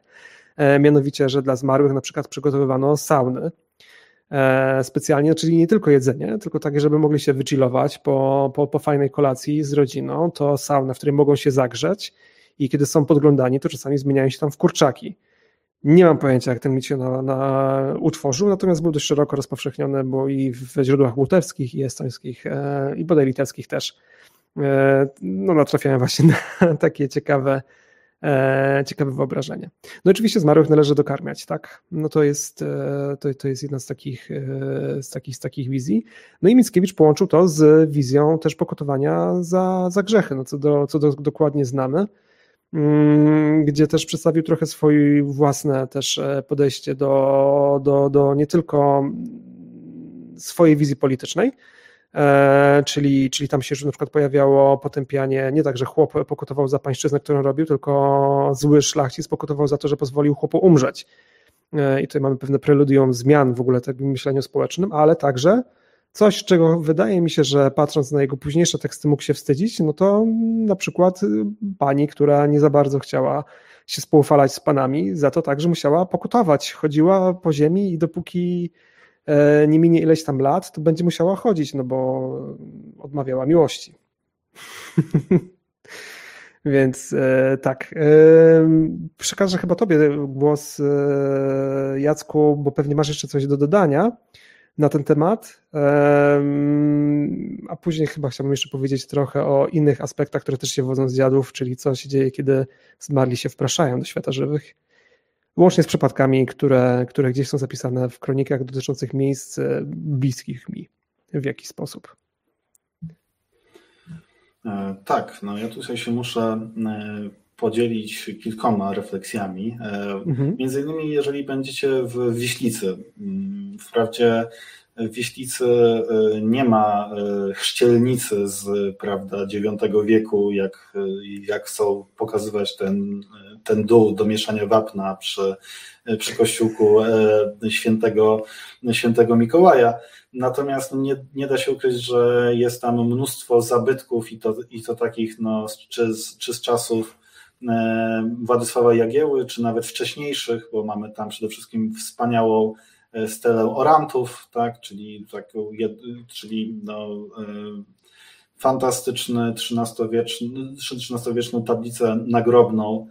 E, w każdym razie, no, jak, tam, jak tam byłem, to, to, to, to zwróciło na mnie uwagę, to, zwróciło moją uwagę kilka rzeczy, między innymi to, że mają tam bardzo małą powierzchnię magazynową, więc mają po prostu dziesiątki szkieletów w takich w zasadzie pudełkach po butach, poupychanych gdzieś tam za, za, za szafkami. No i tam właśnie jak nas oprowadzał jak nas, jak nas oprowadzał kustosz, to w pewnym momencie właśnie powiedział coś takiego, że, że tutaj właśnie miejscowi księża narzekają na różne hałasy, e, że właśnie, że uważają, że to jest, że to jest wszystko nawiedzone, E, oczywiście to w takiej, w takiej formie przewodnickiej gawędy i on właśnie się tak za, zatrzymał, on tam akurat trafił na mnie i na mojego przyjaciela, którzy obaj jesteśmy mocno wkręceni w klimaty, więc żeśmy e, podeszli do, do tego trochę właśnie inaczej niż taki, przed, niż taki prze, przeciętny zwiedzający. No w każdym razie ostatecznie trochę, trochę przyciśnięty stwierdził, że że jego zdaniem to jest, to jest kwestia tego, że, że Jan Długosz, który ufundował plebanię, E, zobowiązał wszystkich następców po, po mszy czasu, żeby dwa razy w miesiącu odprawiać mszę za, za zmarłych kanoników, którzy tutaj mieszkają. A już od wielu lat proboszcz, prawda, e, no, tego, tego zwyczaju nie przestrzega. Nie wiem, czy facet dalej jest kustoszem tego, tego, tego muzeum. W każdym razie no, to była taka no, chyba rzeczywiście szczera E, szczera prawda, odpowiedź, e, która no, wynikała z tego, że może w przeciwieństwie do, do księdza proboszcza dobrze znał historię tego, tego miejsca. E, no, film Listopad, bo, bo żeśmy o nim też sobie rozmawiali, ja też muszę tutaj się wyświetlić bardzo osobistą dygresją, bo bardzo osobistą opowieścią, bo, no bo kiedy Mikołaj się mnie spytał, czy ja go widziałem, no to, no to odpowiedziałem, że nawet jakbym zapomniał datę, to będę w stanie ją sobie przypomnieć, nie czy to będzie widać, ale na mojej ślubnej obrączce jest wygrawerowana data, gdzie widziałem ten, ten film, bo moja, bo, moja pier, bo moja pierwsza randka z moją żoną właśnie to było pójście na film Listopad. Nie jest to film, który polecam na, na pierwszą randkę, bo jest dziwny pod wieloma względami. No, nie zgadzam się. Też byłem na randce. My się bawiliśmy na nim, na nim, na nim w każdym razie wystarczająco dobrze, że, że były kolejne randki. E, no ale to tutaj tak, przepraszam, dosyć tam dygresyjnie kończąc. Znaczy, przechodząc do, do, do, do dziadów Adama Mickiewicza, e, to oczywiście tak, no oczywiście ta pastereczka, pastereczka Zosia unieśmiertelniona przez, Kazika, przez w zasadzie Stanisława Staszewskiego w Baranku, e, która właśnie no, jest targana z miejsca na, na, na miejsce przez wiatr za to właśnie, że, że nie była w stanie kochać no to jest, to jest romantyzm. To nic jakby wcześniej e, nie, nie, nie, nie stawia ziemskiej miłości aż tak wysoko. E, aczkolwiek kara polegająca na tym, że właśnie każdy podmuch wiatru przerzuca ducha w inne, w inne miejsce i właśnie na tym polega ta, ta kara, jest czymś oczywiście głęboko za, zakorzenionym w E, w folklorze, jeszcze takim folklorze, który jesteśmy w stanie gdzieś tam z XV-XVI e, wieku wy, wy, wy, wyciągnąć, no ale, no ale jest, to, e, jest to kara dla, dla krzywoprzysiężców na przykład. Jest to kara, którą, którą Szymon Grunał, czyli no, najmniej wiarygodny kronikarz późnego średniowiecza, za to rewelacyjny gawędziarz opisuje dla dla, dla właśnie tych, mm, tych ludzi, którzy e, za uratowanie życia e, zobowiązali się Matce Bożej wstąpić do zakonu krzyżackiego i, i tego, e, i tego, i tego przyrzeczenia nie wypełnili. No więc tutaj mamy oczywiście Prusy za, za zakony, no więc gdzieś ten folklor Bałtów pewnie, mhm. pewnie gdzieś w tle tych bardzo, bardzo jednak bardzo chrześcijańskich, bardzo bogobojnych terminów y, stara się jakoś, jakoś dotrzymać. No ale Adam, Adam Mickiewicz wiadomo, no z jednej strony patrzył na tę na te swoją ukochaną Litwę, ale z drugiej strony patrzył na, na to, co, co pisał wtedy Byron, na to, na to y, co napisano w pieśniach Osjana. Więc no niestety tak. no, jest, to, jest to próba po prostu stworzenia tutaj właśnie słowiańskiej, czy, czy właśnie słowiańsko-bałtyckiej e, Eddy, stworzenia właśnie słowiańsko-bałtyckich pieśni Osjana, e, więc to nie jest to, nie jest to źródło, tak? W sensie Szymon Anski, którego dybuk jest, jest często nazywany żydowskimi dziadami, swoją lekcję od, odrobił dużo, dużo sumiennie, no, no bo był, był też etnografem i to już takim etnografem, który był wy, wyposażony w, we współczesne narzędzia tej, tej dziedziny nauki. No to tak, tutaj... jeśli pozwolisz, hmm? to tutaj tylko jeszcze sprostuję jedną rzecz, e, mianowicie propos inspiracji Byronem, to te wpływy inspiracji Byrona widać głównie, jeśli się mylę, może oczywiście poprawić, ale jeśli dobrze pamiętam, w Dziadach e, Dreznieńskich, czyli, e, czyli w Dziadach części trzeciej, a w Wileńsko-Kownieńskich wydaje mi się, że E, oczywiście Mickiewicz znał Byrona, ale te, te, te, te utwory, które wpływały na, na, na dziady, to wówczas chyba jeszcze nie, przynajmniej nie z taką siłą uderzały. Znaczy, mm, mhm. jak pamiętam Marię Janion w którejś z okay. tych na to zwracała uwagę, e, ale oczywiście, no tak, no zawsze możemy, po, możemy powiedzieć, że jest spór w, dok, spór w doktrynie. Natomiast pamiętajmy o tym, że ten spór właściwie, bo to, że mhm. Adam Mickiewicz jest uważany za takiego właśnie ojca polskości, ojca ludowości, no jest to pogląd, y, który no, wyraził się tym, że był po prostu naj, najwybitniejszy, ale jeżeli sobie spojrzymy na mnóstwo zazdrosnych poetów, o których y, litościwie już nie, już nie pamiętamy, no to po pierwsze oczywiście Mickiewicz był Żydem, po drugie był, był tam, prawda, Litwinem. I jaka tam świteś to jest, prawda, e, jakieś tradycyjne słowiańskie jezioro? No gopło, tylko, tylko gopło.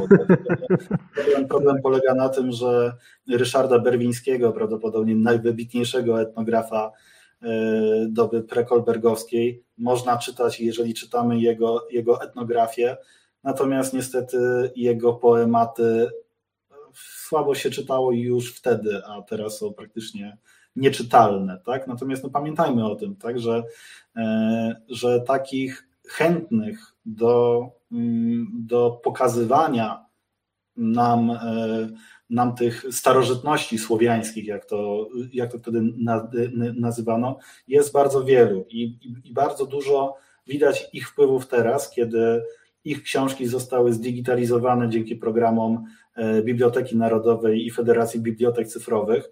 E, no i one teraz wracają, tak? są jakby e, wykorzystywane bardzo mocno w tym środowisku powiedzmy pop-słowiańskim, e, no bo zbyt wielu źródeł nie mamy, tak jak są klejdy polskie Wójcickiego na przykład wykorzystywane, tylko pamiętajmy o tym, że to nie są źródła etnograficzne, to nie są źródła mhm. religioznawcze. Przeróbki E, nawet jakiegoś materiału rzeczywistego, literackiej są tak głębokie, e, że no, no jest, to, jest to na pewno źródło do, jakby wyobrażenia, jak, jak, jak osoby w miarę wykształcone widziały to na początku XIX wieku. E, natomiast no, niestety jesteśmy w stanie prześledzić, jak to wyglądało u nas dokładniej w drugiej połowie XIX wieku i problem polegał na tym, że dziady już były czytane, za, zarówno przez tych, którzy, e, którzy e, zbierali te, te in, in, informacje, jak i przez ludzi w otoczeniu tych autorów mhm. tych, tych, tych treści. No i, no i wszyscy gdzieś tam słyszeli o tych dziadach i one nagle za, zaczęły niejako żyć własnym życiem. No dokładnie tak. E, a skoro mówimy o dziadach, to myślę, że możemy chyba tutaj przejść do takiej mm, też e, pewnego punktu, który stwierdziliśmy, że chcemy koniecznie poruszyć w czasie e, naszej rozmowy, mianowicie dziady otwierają się balladą Upiór, który upiór Mickiewicza jest dość specyficzny, natomiast był taki czas, że Polska upiorami stała. I e, o ile na zachodzie pewnych upiorów nie było, i kiedy polscy księża pisali do papieża e, czasami listy, co zrobić, no bo wypadałoby upiora zabić według tego rytuału, no ale niby Kościół nie może, to otrzymywali dość zabawne listy, w których papież mówił, że no niesamowite, że w Polsce, na terenie Królestwa Polskiego jest tyle cały czas upiorów, gdzie we Włoszech już tak dawno upiorów nie ma. No i jak działa w ogóle to zjawisko? E, padało takie retoryczne pytanie. I e, odchodząc może trochę, znaczy może nie do końca odchodząc, e, może mogę się nawet skupić na, na tym, jak e, upiory przedstawiają się w dziadach. No bo w baladzie upiór mamy tutaj tak naprawdę postać, która nie do końca wiadomo, czy popełniła śmierć samobójczą. Później z dziadów części trzeciej końcówki wiemy, że to wcale nie popełniła śmierci samobójczej, tylko, tylko, tylko, tylko była człowiekiem, który potrafił opuszczać swoje ciało. Mm, natomiast w Dziadach części e, właśnie trzeciej pojawia się e, pieśń e, o zemście, którą śpiewa Konrad i w której, w której pojawia się sformułowanie o tym, że, że staniemy się upiorem, będziemy wysysać krew. I to jest prawdopodobnie bardzo, znaczy tutaj jakby nie mam większych wątpliwości, że to jest e, wpływ Byronowski. Dlaczego? Dlatego, że w ludowych opowieściach, popraw mnie Jacku, jeśli się, mylę, jeśli, jeśli się mylę, to będę bardzo mocno się opierać na książce słow, e, Kozaka Upiór, Historia Naturalna, e, a wiem, że też jest dużo innych bardzo ciekawych źródeł, które ty znasz.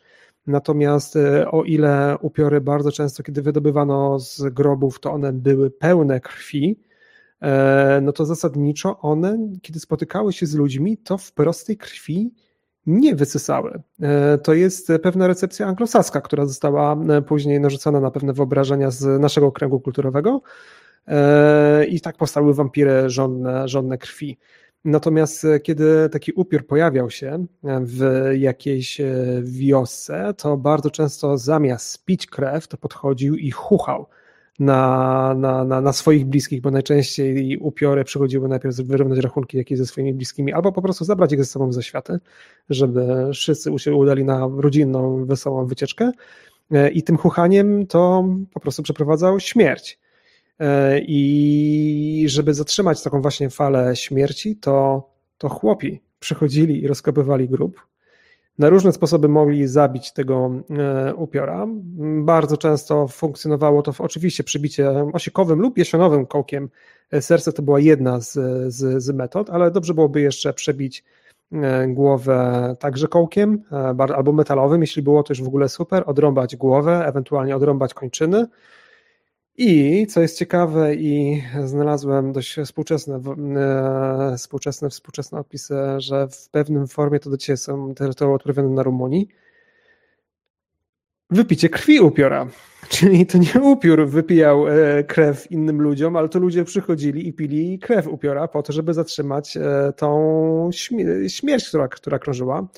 I w wielu źródłach możemy znaleźć informację, że według wyobrażeń ludowych to krew upiora najlepiej chroniła przed upiorami. E, kiedy nagrywam ten podcast, to nie jestem u siebie teraz w Krakowie, tylko jestem także u siebie w mojej rodzinnej miejscowości w Chojnicach na Pomorzu. 8 kilometrów ode mnie, e, z miejsca, z którego nadaję, znajduje się e, klasztor w Zamartym, z którym się właśnie wiąże taka historia upirobójstwa, wampirobójstwa. E, i jest ona dość dobrze opisana w źródłach, więc e, nie jest to przypadek taki, że to jest jakaś, tu nie można powiedzieć, że to jakaś legenda, która została e, opisywana, ponieważ to się wiąże z konkretnymi życiorysami, które wcale nie są takie odległe, bo mówimy tutaj o końcówce XVIII wieku i mm, dotyczy to w ogóle upiora w rodzinie Wolż, Wolżgierów, który właśnie został pochowany w kościele we wsi Zamarte, no i zaczął przychodzić do swoich bliskich i ściągać ich w zaświaty. Więc jeden z członków tej rodziny stwierdził, że no musi pójść zabić upiora. Rzeczywiście napił się jego krwi i wiemy, że to nie jest wymyślone, ponieważ w jego biografii jest napisane, że od tego momentu po prostu bardzo zachorował. Hmm, no kto by się spodziewał. E, I, no i ledwo przeżył, tak? I to, to, ten, to upiorobójstwo i konsekwencje wypicia krwi z jakiegoś trupa, e, no, krążyły za nim dość długo.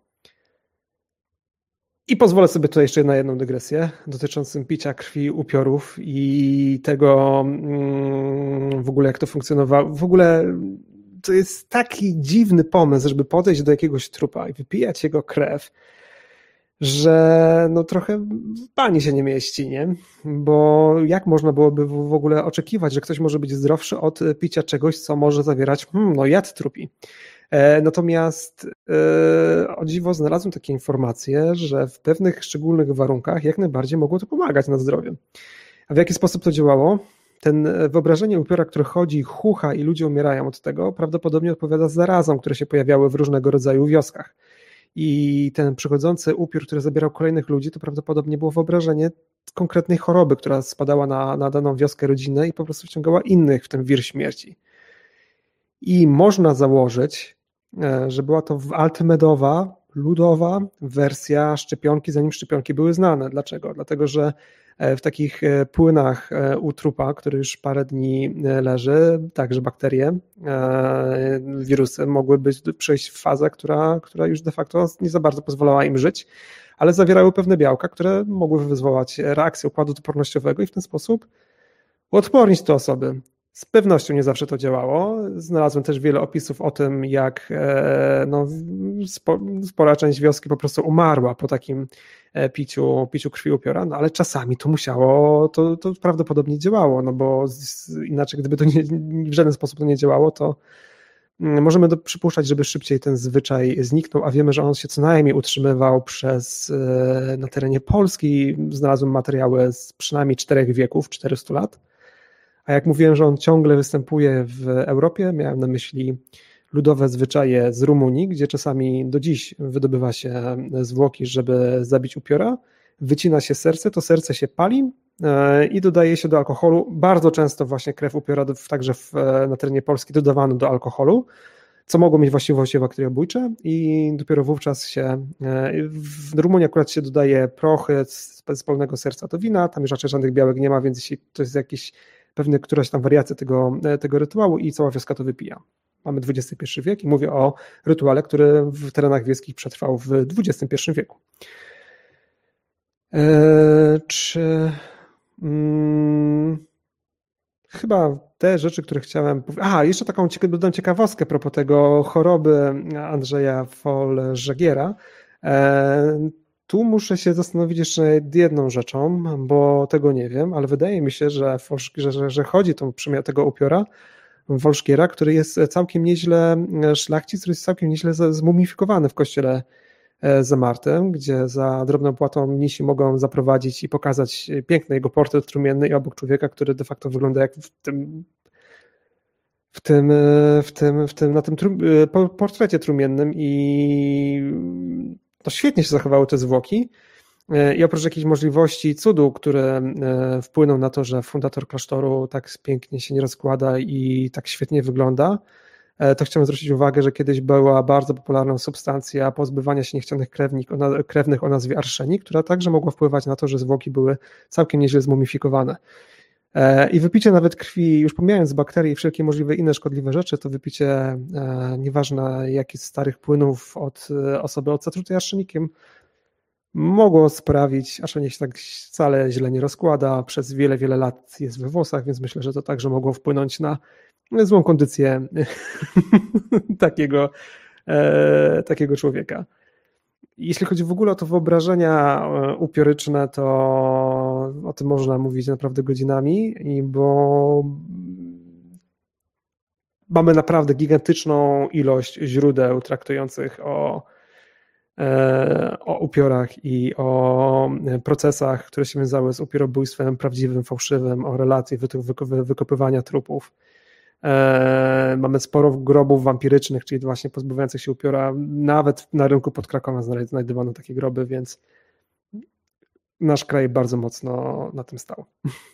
Nic dziwnego, że Mickiewicz też do tego nawiązał, przy czym, e, jeśli pozwolisz Jacku, bo nie chcę tutaj przejmować za bardzo e, tej, tej naszej rozmowy, natomiast chciałbym zwrócić uwagę, że to wyobrażenie Mickiewicza, które e, zaczyna się w balladzie Upiór, a kończy się w trzeciej części dziadów tych kanonicznych E, dziadach, czyli o tym, że upiór wcale nie był osobą zmarłą, jak się okazywało, tylko osobą żywą, która wychodziła ze swojego ciała i w ten sposób okazywała się wśród duchów, trochę koresponduje z ludowymi wyobrażeniami na temat upiorów, dlatego że upiorem z jednej strony oczywiście była osoba, e, która, która, która była zmarła i która e, była niebezpieczna po śmierci, natomiast upiorami zazwyczaj ludzie się po prostu rodzili i swoją moc upioryczną także zsyłaniem chorób w wyobrażeniu ludowym e, posiadali.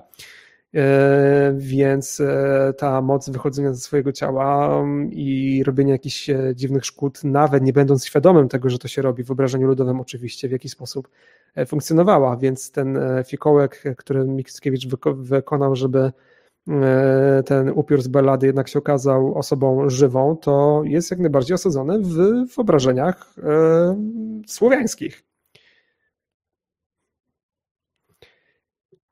No tak. to, to w sumie na tym chciałbym skończyć swoją tyradę na temat upiorów, chociaż myślę, że o tym można byłoby spokojnie zrobić też osobny e, odcinek, chociażby z przedstawianiem tych różnych historii o upiorach, tego jak e, prawdopodobnie niewinnych ludzi zabijano, bo myślano, że są e, upiorami i jak się pojawiali ludzie, którzy na serio mówili, że są upiorami także w XX wieku w Kanadzie, natomiast tutaj mówimy o, o, o, o ludności oczywiście słowiańskiej, dokładnie o Kaszubach, I to jeszcze może ostatnią Mickiewiczowską ciekawostkę w kontekście upiorów, mianowicie Mickiewicz nazywany jest wieszczem. I wielu z nas po prostu używa słowa wieszcz jako synonim słowa poeta. I nie do końca jest to uprawnione, dlatego że słowo wieszcz jest o wiele bardziej wieloznaczne, natomiast ogólnie na Kaszubach w, mm, słowo wieszcz jest synonimem słowa upiór. I prawdopodobnie w przypadku Mickiewicza jak najbardziej e, było to zasadne, bo wiele wskazuje na to, że on wierzył w to, że jest e, osobą, która urodziła się jako osoba niezwykła, prawdopodobnie e, upioryczno-strzygoniowa, wieszczowa. Plus dodam jeszcze ostatnią może ciekawostkę, kiedy Mickiewicz pojawił się na Wawelu w Krakowie, okoliczni chłopi twierdzili, że psuje im pogodę, ponieważ tak mają w zwyczaju planetnicy, poetnicy, wieszcze, upiory. E, i e, nawet postulowali, żeby go wrzucić do rzeki, bo tak należałoby zrobić. E, I powstała teoria spiskowa wówczas, że Francuzi oddali Mickiewicza dlatego, że właśnie Mickiewicz psuje im pogodę, przyprowadzili go do Krakowa i co? I Mickiewicz teraz im psuje pogodę. Więc też tego typu ciekawe historie z Mickiewiczem, z Mickiewiczem w tle.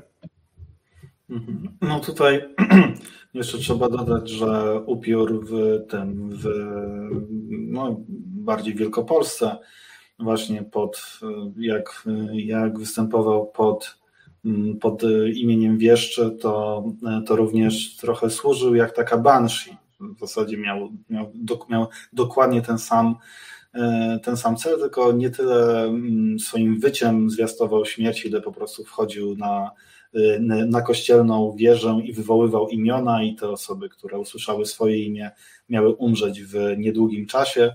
E, no i tutaj była, była wielka, wielka rola kościelnego, e, który, który kiedyś, czy organisty w zasadzie, który, który, który też był kościelnym, który kiedy wiadomo już było, jaki z nieboszczyków, bo go rozpoznali po głosie, tam wywołuje kolejnych, no to, no to facet uratował wszystkich, mm, siadając na, na trumnie dziedzica przez całą noc i wtedy on, on nie mógł wyjść i wyjść, i, i wyjść na, na wieżę, żeby krzyczeć. E, co zresztą jest to, jest to historia, która podobno zainspirowała Andrzeja Sapkowskiego, e, jeżeli chodzi o jego przedstawienie strzygi w pierwszym, w pierwszym, e, tym, w pierwszym opowiadaniu o Wiedźminie, chociaż tam, tam Geralt nie tyle nie tyle sto, no jakby siedzi na, na, na wieku, ile, ile po prostu zajął, zajął miejsce, prawda, strzygi, że ona nie może wrócić do swojego grobu. E, więc tak, więc oczywiście, jeżeli jesteście już teraz zainteresowani upiorami i macie wykupiony mm, abonament na Legimi, no to ten e, wspaniały esej Łukasza Kozaka, e, upiór Historia Naturalna możecie E, możecie sobie bezpłatnie ściągnąć. W ogóle Legimi powinno być e, patronem wieka, bo, bo tyle razy, ile się odwołuje akurat do tych, do tych książek, które tam można znaleźć, to myślę, e, myślę że, że coś, że coś mi, mi powinni odpalić, ale rzeczywiście się bardzo cieszę z tego powodu, bo ta książka zniknęła z rynku w pewnym momencie błyskawicznie. Chyba był, chyba był tam nawet dodruk po jakimś czasie, no ale teraz dzięki temu, że to jest na Legimi, rzeczywiście się można, rzeczywiście się można do tego jakoś E, jakoś odnieść. No w każdym razie tak, no Adam Mickiewicz to były to był podejrzany facet e, i w momencie, kiedy właśnie wyjdziemy poza, e, poza kanon jego, znaczy poza kanon lektur, które oczywiście przedstawiają go, go bardzo bezpośrednio, no to jest to też kanon, który uformował się dzięki temu, że jego dzieci zrobiły co mogły, żeby, żeby stworzyć tatusiowi bardzo taką białą legendę, E, natomiast jak się czyta, co, co jakby wszyscy wokół uważają o Adamie Mickiewiczu za jego życia, no to, no to była to postać daleko niejednoznaczna i, e, i, i, i kontakt z Towiańszczyzną mu absolutnie nie pomógł. E, był to człowiek, którego wiele właśnie jakichś takich teorii no już było takich, no w takim stylu latających stolików, prawda? On był człowiekiem bardzo europejskim na swoje czasy. Tutaj, tutaj chcemy zaprotestować, ponieważ jeśli chodzi o te stoliki stukające i pełzający spirytyzm, to Mickiewicz był jego wielkim przeciwnikiem, dlatego że on uważał, że duchy inaczej funkcjonują, a w stoliki pukają, pukają z pewnością jakieś zupełnie inne, e, nieprzewidywalne istoty. Więc Mickiewicz miał, e, powiedzmy, nie był osobą racjonalną, no tak deklarował swoim jakby romantyczności, mówiąc e, wprost. Twierdził, że na przykład odwiedził go kiedyś e, duch Napoleona, o, uwaga, Napoleona III, który żył za jego czasów i Mickiewicz był bardzo wzruszony, bo stwierdził właśnie, że ten cień z Napoleona przyszedł i z nim dyskutował o, o, o przyszłości Polski. E, jeśli chodzi o towarzyszyznę, to mam dość kontrowersyjny pogląd, ponieważ traktuję go je bardzo podobnie jak wiele różnych ruchów religijnych. E, natomiast Towięszczyzna w wydaniu Mickiewicza była, no nawet Towińskiego zdenerwowała, mówiąc wprost, więc była dość, e, dość, dość, dość specyficzna. E, natomiast bardzo takich ciekawych rzeczy, albo w ogóle których e, nawet które mamy w lekturach, a ludzie często czytają i zupełnie się tym e, czy, czytają, jakby nie myślą o tym, co czytają. Przecież w Panu Tadeuszu mamy na przykład pochwałę astrologii. To jest coś, o czym większość ludzi jakby zupełnie o tym zapomina, pomija się to na lekcjach, przy czym pochwała astrologii z potępieniem astronomii, która była uważana, zostaje skazana jako nauka pusta. E, co ciekawe, Mickiewicz na przykład bardzo interesował się misty, mistykiem Jakubem Boemem, który był uznawany przez wszystkich za e, heretyka, a jest to chyba jeden, jedyny przypadek mistyka dysteistycznego, czyli zakładającego, że w Bogu jest zło. E, szczerze mówiąc, którego jakoś bardziej szczegółowo znam. I to między innymi znam też dzięki Adamowi Mickiewiczowi, bo napisał o nim esej. E, a z rzeczy, gdzie Mickiewicz wyprzedzał z kolei w e, kontrowersyjnych podejściach do duchowości e, rzeczywistość, to Mickiewicz jako pierwszy, przynajmniej jest pierwszym, pierwszym mi znanym wykładowca, opowiadał o korzyściach z przyjmowania środków psychoaktywnych, a dokładniej grzybów na Syberii przez szymanów syberyjskich w czasie swoich wykładów we Fran w kolegium francuskim. Więc tak, bardzo ciekawa postać w tym, w, tym, w, tym, w tym zakresie, jeśli chodzi o podejście do duchowości i do różnych e, pomysłów, które ma, miał.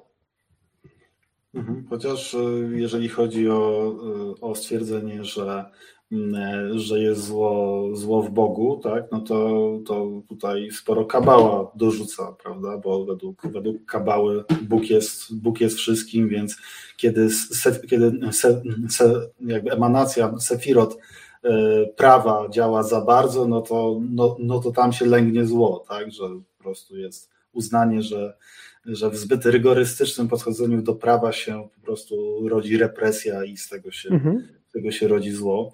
Ale tak, no rzeczywiście no, e, takie, to, mm, aż takie stwierdzenie, no, które nie podchodzi w dualizm, no, jest, jest powiedzmy mało, mało popularne. E, natomiast tak, no, oczywiście no Adam, Adam Mickiewicz e, w tej powiedzmy jeszcze właśnie epoce prekolbergowskiej tak, jest, jest człowiekiem, któremu zawdzięczamy mnóstwo poglądów, mnóstwo, e, mnóstwo teorii. Bo można, po, można po, powiedzieć, że zaprzągł swój talent w, no, w bardzo twórcze rozwijanie wielu, wielu teorii Lelewela, bo, bo nasz ojciec, powiedzmy, mm -hmm ojciec polskiej historii niestety parę razy e, dał się różnym szarlatanom uwieść, którzy za dobrze źródła historyczne e, fałszowali. E, natomiast no, pamiętajmy o tym, że Adam Mickiewicz w swoim szczytowym momencie od, od oddziaływania działał na emigracji i w ogóle to jest nasz, nasz ten wielki problem, że po powstaniu listopadowym nasze najwybitniejsze umysły e, przenoszą się na, się na wielką emigrację i dalej tworzą już, już w oderwaniu od tych, od tych warunków krajowych. Potem, kiedy, kiedy mamy rabację galicyjską, no, no to też wielu tych romantyków obraża się na, się na lud, bo on go sobie, bo go sobie wyobrażał zupełnie inaczej. E, więc mamy w zasadzie przerwę w badaniu ludu takim, jakim on jest E, I to jest ten nasz, ten nasz wielki dramat, że wiele naszych poglądów wywodzi się z wieku XIX. Badacze dzisiejsi też się często inspirują e, tamtymi badaniami i to jest takie po prostu ukąszenie romantyczne, które, które też sprawia, że wiele rzeczy inaczej interpretujemy. Mm, więc no, tak już, no dobra, jeszcze odnośnie upiorów, to, to ta wielka kariera, jaką, jaką zrobiliśmy my jako Europa Wschodnia, jako właśnie siedlisko upiorów, siedlisko wampirów, siedlisko złych duchów, e, no to jest, jest, jest właśnie kwestią tego, że nasi pisarze epoki saskiej, bardzo często to byli księża katolicy, którzy głęboko wierzyli w to, co, w to, co opisywali, dalej pisali po łacinie i dalej pisali też na, też na rynki zagraniczne, żeby, żeby wstrząsnąć sumieniami tego już zgniłego zachodu. E, no więc w momencie, kiedy dyskurs nie pozwalał na Zachodzie wydawać takich, takich książek, no to, no to o, o, osoby właśnie pokroju Byrona, no to mogły czytać o tych, o tych rzeczach z, z, ze starych polskich książek, które były, e, które były drukowane na, za, na Zachodzie własnym sumptem. E, zresztą właśnie tych różnych naszych kanoników, różnych zakonników i różnych również wiejskich proboszczów, więc to, że więc, więc nasza jakby rola w tworzeniu romantyzmu jest, jest dużo większa niż się przedstawia, aczkolwiek no, osoby, które, które te, te wszystkie książki pisały właśnie u nas w, w, w epoce saskiej, myślę, byłyby głęboko do, dotknięte, y, gdyby, gdyby, się, gdyby się zorientowały, w jaki sposób ich, ich, na, ich nawoływania zostały E, zinterpretowane przez, przez, przez twórców na Zachodzie, no bo stworzyli podkład pod współczesną literaturę grozy e, i pod, i pod ten horror, który przecież no, absolutnie chrześcijański nie jest, więc może to jest ich czyściec, może to jest właśnie... Wiesz, literatura e, grozy to jeszcze nic, ale tutaj jeszcze mamy takie wspaniałe dzieła kultury jak Zmierzch na przykład, więc... Tak. Może więc... mogłoby być dla nich zatrważające już w szczególny sposób. Dokładnie tak.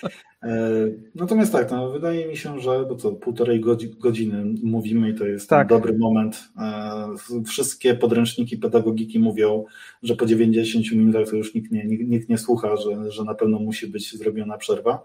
To e, jeśli mogę, mogę, mogę, mogę jeszcze tutaj hmm. wejść z ogłoszeniem parafialnym, zanim jeszcze przejdziemy do jakichś e, poszczególnych pytań, to chciałem też się pochwalić, że z, razem z Adamem Mickiewiczem, którego udało mi się wywołać, co opisuje bardzo mocno we wstępie, powstała taka książka, która jednocześnie jest grą, czyli Dziady, część piąta, Dziady, które nie spieprzają, która, no nie będę ukrywać, że jest to dzieło raczej e, humorystyczne i może kojarzyć się z dziełami Bizarro, natomiast e, jako religioznawca bardzo starałem się e, świat przedstawiony w, w tej książce, mimo różnych zabawnych elementów, przedstawić tak, jak były wyobrażenia w ówczesnej epoce, w jaki sposób zachowały się dusze, duchy, co może być także szokujące dla współczesnego czytelnika i wydaje mi się, że udało mi się w ten sposób wywołać dość ciekawy, także komediowy efekt. Natomiast e, to, co jest tam opisuje, to opisuje pewne wywierzenia, to robię to w warsztacie religioznawczym. I odnosząc się jeszcze do tego, co mówiłeś wcześniej, że Mickiewicza e, za, za jego życia ciężko było lubić za pewne różne rzeczy, które, e, które lubił i słowa, które mówił, no, nie da się ukryć, że w dziadach Adama Mickiewicza Gustaw i Konrad jest to alter i ego. E, I po przeczytaniu paru biografii Mickiewicza, różnych listów odnoszących się do Mickiewicza i źródeł, e, no, jedną z postaci, w której można w tej grze zagrać jest właśnie Konrado Gustaw, który e, musi wysysać energię z bliskich ludzi, żeby dzięki temu między innymi tworzyć piękne dzieła literackie i w ten sposób możemy wytłumaczyć, dlaczego Mickiewicz czasami bywał delikatnie mówiąc słabym kolegą czy trudnym człowiekiem, ponieważ on musiał to robić, by inaczej nie powstałaby jego wspaniała poezja.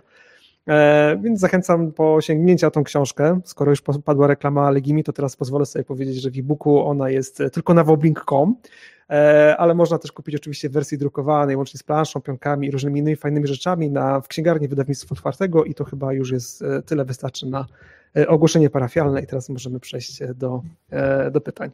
Tak, ja jeszcze z ogłoszeń parafialnych to powiem, powiedzmy, oficjalnie zapowiem, że E, że z kolei moja wiekowa książka, którą wydawnictwo Helion e, zgodziło się wydać i w zasadzie oni mi, mi, mi zaproponowali napisanie, to się będzie nazywało Trzymaj zmarłych na 60 kroków i będę, będę opisywał właśnie radzenie sobie z, ze zmarłymi, no będzie, no, będzie wydana na przyszłoroczny Halloween, więc gdzieś tam może, może w przyszłym roku będę mógł robić konkursy, które będę e, rozdawał własne książki, co jest oczywiście po prostu. To, w tym momencie chcę od razu powiedzieć, że mm. podcast religioznawczy chciałby e, być patronem medialnym tej książki, jeśli jest taka możliwość. No, myślę, że nie będzie żadnego, żadnego problemu. No.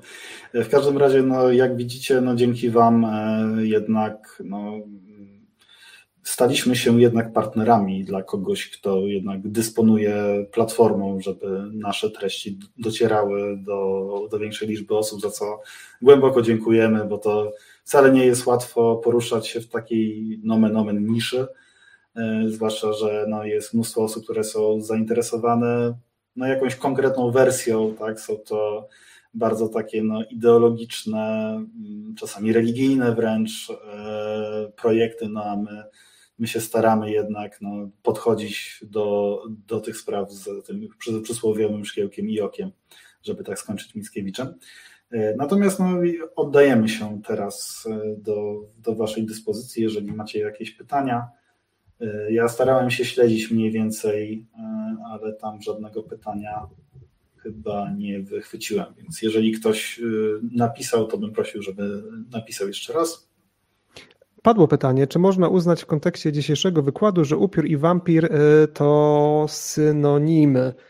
E, szczerze mówiąc, e, nie wiem, jakie jest Twoje stanowisko, ale wydaje mi się, że jak najbardziej tak, że, że pewne kategorie pojęciowe, jak upiór, strzygoń, strzyga, wieszcz, wampir są charakterystyczne dla różnych okręgów geograficznych i pewne cechy dystynktywne pewnie się różnią, ale co wioskę, niekoniecznie w tych całych, w tych całych regionach to jednak widzę tutaj pewne cechy dystynktywne, z tą może różnicą, że ten wampir na zachodzie e, może się różnić od wampira słowiańskiego i upiora słowiańskiego. E, chyba, że masz jakieś inne informacje, być może pogłębione źródła, to, mm, to dajesz, bo, bo wydaje znaczy, mi się, że są dość synonimiczne te pojęcia. Znaczy wiem, że, dużo, że wielu badaczy bardzo się stara, żeby, żeby pokazać, że to nie jest to samo, ewentualnie, że wredny Zachód okay. nam, tego, nam tego upiora zabrał, zrobił z niego wlada, to tak. wlada parownika. To, to, to absolutnie się zgadzam, co nie dyskutuję, że nam tak. zabrał i że, że, że, że, że go zreformował, co, co widać między innymi w tej różnicy, kto w ogóle tą krew pije, tak? Tak, jak najbardziej, bo jeżeli, jeżeli, czyjeś, jeżeli czyjeś te, mm, czyjąś krew upiór pił, to raczej krew krów, więc był taką trochę czupakabrą w zasadzie, byśmy powiedzieli. Ogóle... Tak naprawdę to nie, to nie krew, tylko mleko, tak pierwotnie, jeśli dochodzimy do źródeł, a tak, tak, tak, oczywiście. odwołujemy się do, do, do historii naturalnej upiór e, kozaka, bo tam coś świetnie opisane, gdzie on dotarł, gdzie do prawdopodobnie pierwotnych wierzeń i nie chodziło o krew, chodziło o krowy, nie chodziło o krew, znaczy przepraszam, nie chodziło o ludzi, tylko o krowy, nie chodziło o krew, tylko, tylko o mleko. Więc... Zresztą akurat no to, to bardzo dobrze Benedykt Chmielowski w Nowych Atenach opisuje, gdzie tak. rzeczywiście w jego traktacie o, o upierach e, bardzo, bardzo mocno w sumie opisuje, że to jest, że ten upiór to jest po prostu zagrożenie gospodarcze, że to po prostu ekonomia Rzeczypospolitej może, mo, może przez to podupaść.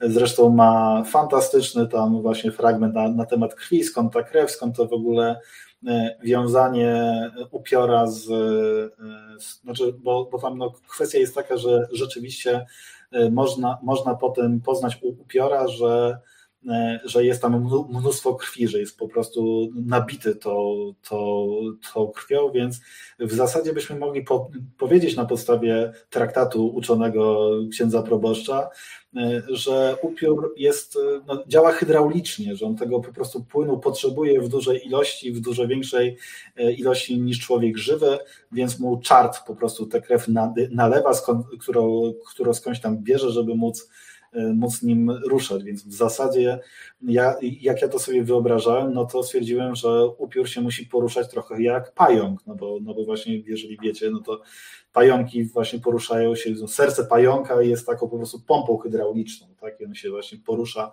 po, poprzez przelewanie się tej, się tej krwi, tego, tego osocza w środku. E, stąd też no, takie, takie bardzo znaczy w, sensie wtedy ma jakby też sens y, poruszanie się upiora i w ogóle ten taki zombie walk, prawda? No bo to jest mhm. po prostu gdzieś tam grzęznąca krew, która, która, która próbuje przepływać przez różne, e, przez różne narządy. E, natomiast tak, no oczywiście, oczywiście z tych upiorów, upirów y, się w końcu te, te, te wampiry wezmą, chociaż no pamiętajmy, że był taki, było takie spotkanie w Londynie, e, na którym był zarówno Bram, e, Bram, Bram Stoker, jak i, jak i Stanisław Raymond i obaj potem napisali książkę o, o wampirach, gdzie jeden to jest oczywiście Dracula, a drugi to jest wampir Raymonda, który poza tym, że jest obrzydliwym pamfletem na ruch wyzwolenia kobiet, E, to również e, po prostu świetnie pokazuje tę zupełnie inną, inną stronę wampira, jako, jako byśmy powiedzieli, na, na takiego wampira emocjonalnego, wampira, który właśnie żaruje na ludzkiej psychice.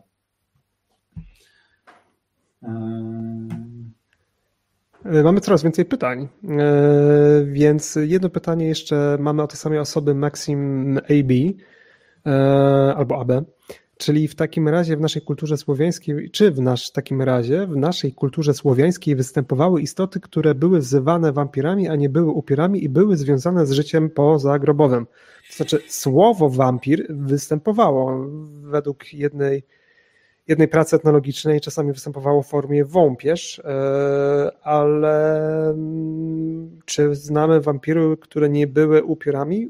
nie wiem Jacku, czy co masz do powiedzenia? Ja szczerze mówiąc miałbym wątpliwości, bo wydaje mi się, że tak jak strzygi i strzygonie w jeszcze upiory możemy wrzucić do tej samej kategorii istot, to tam chyba też powinny lądować słowiańskie wąpierze, wampiry. To znaczy tutaj e, jest pytanie, czy bierzemy pod uwagę osoby, które dzisiaj są nazywane wampirami, jak na przykład Elżbietę Batory, co do, co do której wiemy, że ona akurat piła piła krew, tak, żeby tylko ona... Lub była to czarna legenda, czarna propaganda. Jeszcze jest taka interpretacja, że to je trochę wmówili, to picie krwi. No może. No, w każdym razie na pewno było to bardzo związane z tą wiarą, że nekromancja, czyli uprawianie czarnej magii było, było związane z piciem krwi. No i, no i no i generalnie to są te jakby wierzenia, które, które mocno widzimy nawet w Starym Testamencie, tak, że właśnie we krwi mieszka dusza, we krwi mieszka życie, w zależności od tego, jakie, jakie tłumaczenie e, przyjmiemy. Mm, tylko ja nie wiem, kiedy w ogóle w kontekście właśnie takiej Elżbiety Batory czy Wlada Palownika w ogóle pada termin upiór, znaczy termin wampir. Czy to nie jest znowu. Pada. Nie, to jest z tego co ja kojarzę, to. XIX-wieczne, jeśli nie, tak. XX-wieczne, kiedy, kiedy trzeba było szukać ikon popkultury i to w konkretnych szerokościach mm. geograficznych. Już pomijając to, że Bram Stoker połączył e, Vlada Deraka i Vlada e, Palownika w jedną postać, więc mhm. E, to tak propos kreatywności twórczej. Natomiast jeśli chodzi o osoby, które, czy istoty, które piją krew, no to oczywiście krew była pita także przez kapłanów przedchrześcijańskiej religii słowiańskiej, E, to znaczy, jest kilka źródeł, które o tym e, mówią. E, niektórzy, na przykład rodzimowiercy, twierdzą, że to bzdury, bo to pisali kronikarze chrześcijańscy, ale pisali to w różnych regionach, więc mogło w tym coś być że w ramach, w ramach konkretnych rytuałów to po prostu spożywano tą krew, tym bardziej, że to nie tylko na rejonie Słowiańszczyzny takie rzeczy się odbywały. Mm, ale to nie jest związane z życiem pozagrobowym. W sensie to nie są istoty martwe, które się ożywiają po to, żeby pić krew. I szczerze mówiąc, ja takiej e, stricte słowiańskiej wersji upiora, wampira, wampierza, strzygonia, strzygi, wieszcza nie kojarzę. W tej wersji. W tej wersji, no bo wiadomo, że no, picie różnych płynów, tak, no wiadomo, że na przykład duśnice e, wypijały łzy, prawda, dzieci, jakie tam, prawda, mhm. dusiły. Natomiast no, no wątek, wątek picia, picia ludzkiej krwi no w ogóle jest, no, du, dużo więcej świadczy e, już o tych badaczach i, i zainteresowaniach XIX wieku niż o tym, co mamy, co mamy w źródłach. Widzę, że mamy kolejne pytanie. Mam za długie pytanie, muszę rozbić na trzy. Weronika Mieczkowska. Jacku i Mikołaju, a co powiecie na temat stypy, która ma miejsce mm, przecież po pochówku, a mimo tego, że zmarłego się pożegnało na cmentarzu, zostawia się mu miejsce przy stole podczas tej ostatniej uczty wraz z jedzeniem? Jak to jest podobne do Wigilii i zostawienia pustego miejsca dla zbłąkanego wędrowca?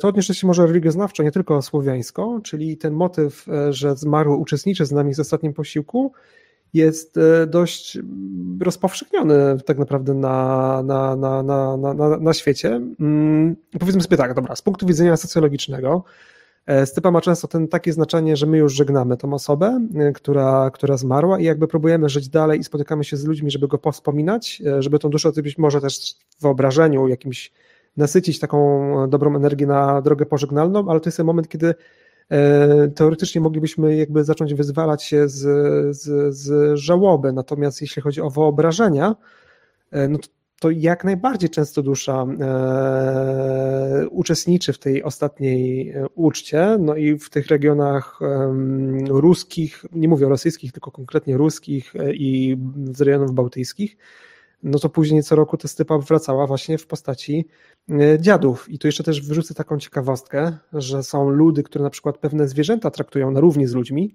Jednym z takich rodów jest, e, są Ajnowie opisani w bardzo, dość, znaczy moim zdaniem w bardzo rzetelny sposób przez Bronisława Piłsudskiego, brata e, Józefa Piłsudskiego, którzy tak traktowali niedźwiedzie jako e, równorzędnych członków społeczności, tylko tutaj taka ciekawostka, te niedźwiedzie były hodowane po to, żeby później je zabić i zjeść. I na tej wielkiej uczcie, gdzie spożywano mięso niedźwiedzia, ustawiano specjalną misę z mięsem niedźwiedzia dla niedźwiedzia, który uczestniczył w tej uczcie. Jego skórę zawieszoną z paszczą ustawiono tak, żeby wyglądało jakby sięgał po to jedzenie. E, więc nawet w tak makabrycznej e, wyobrażeniu, no to, to współuczestnictwo zmarłego w tej uczcie współwystępuje. Mm, aha, to proszę, widzę dalej, że Weronika Mieszkowska rozwija pytanie. Nieraz słyszałem, jak dziecko na Wigilii u mojej babci w Kieleckim mówi, że to miejsce jest dla bliskiego zmarłego z rodziny, który umarł niedawno. E, jestem z Pomorza, ale z rodziny, która ma też tradycje e, wileńskie od strony mojego ojca i tutaj też takie było wyobrażenie, że pusty stolik może być dla osoby, dla zrodzonego wędrowca, ale także może być właśnie na przykład dla zmarłych, którzy zmarł, dla kogoś zmarłego, kto zmarł w tym roku. Współwystępowało to wierzenie razem z tym, z tym wędrowcem. E, czy stypa jest echem dawnych tradycji słowiańskich, czy znacie jakiś typowy historyk, na przykład Duch Zmarłego dał znać, że nie jest zadowolony z pochówku? E, to pytanie chyba Jacku do ciebie, bo ty jesteś skarbnicą takiej wiedzy, takich historii, ja takiej historii nie znam.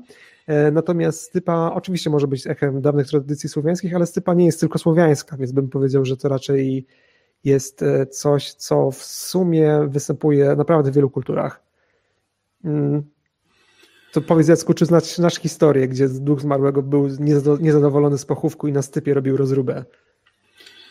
E, samej, samej stypy nie, ale no pamiętajmy, że e, znaczy do, bardzo, nie, bardzo nie, nie, lubię tego sformułowania rytuału przejścia, bo jest słowem wytrychem. E, natomiast pamiętajmy, że zwyczaj ucztowania jest, jest generalnie takim najprostszym rytuałem zawarcia pokoju między stronami.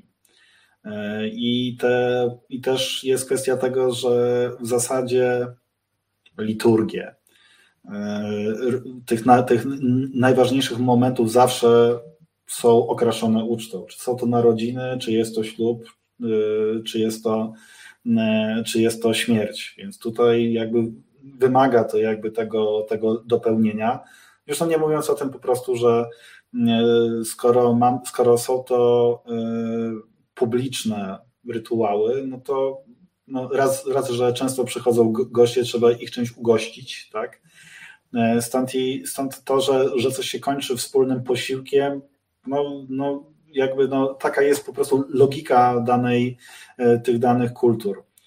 E, no te prawda, historie z e, pochówkami, no to wiadomo, raczej są, raczej są związane nie z jakąś e, tą rozróbą w czasie tylko, tylko jest kwestia snów, które zaczynają prześladować osoby, które, mm, które uczestniczyły, które były organizatorami.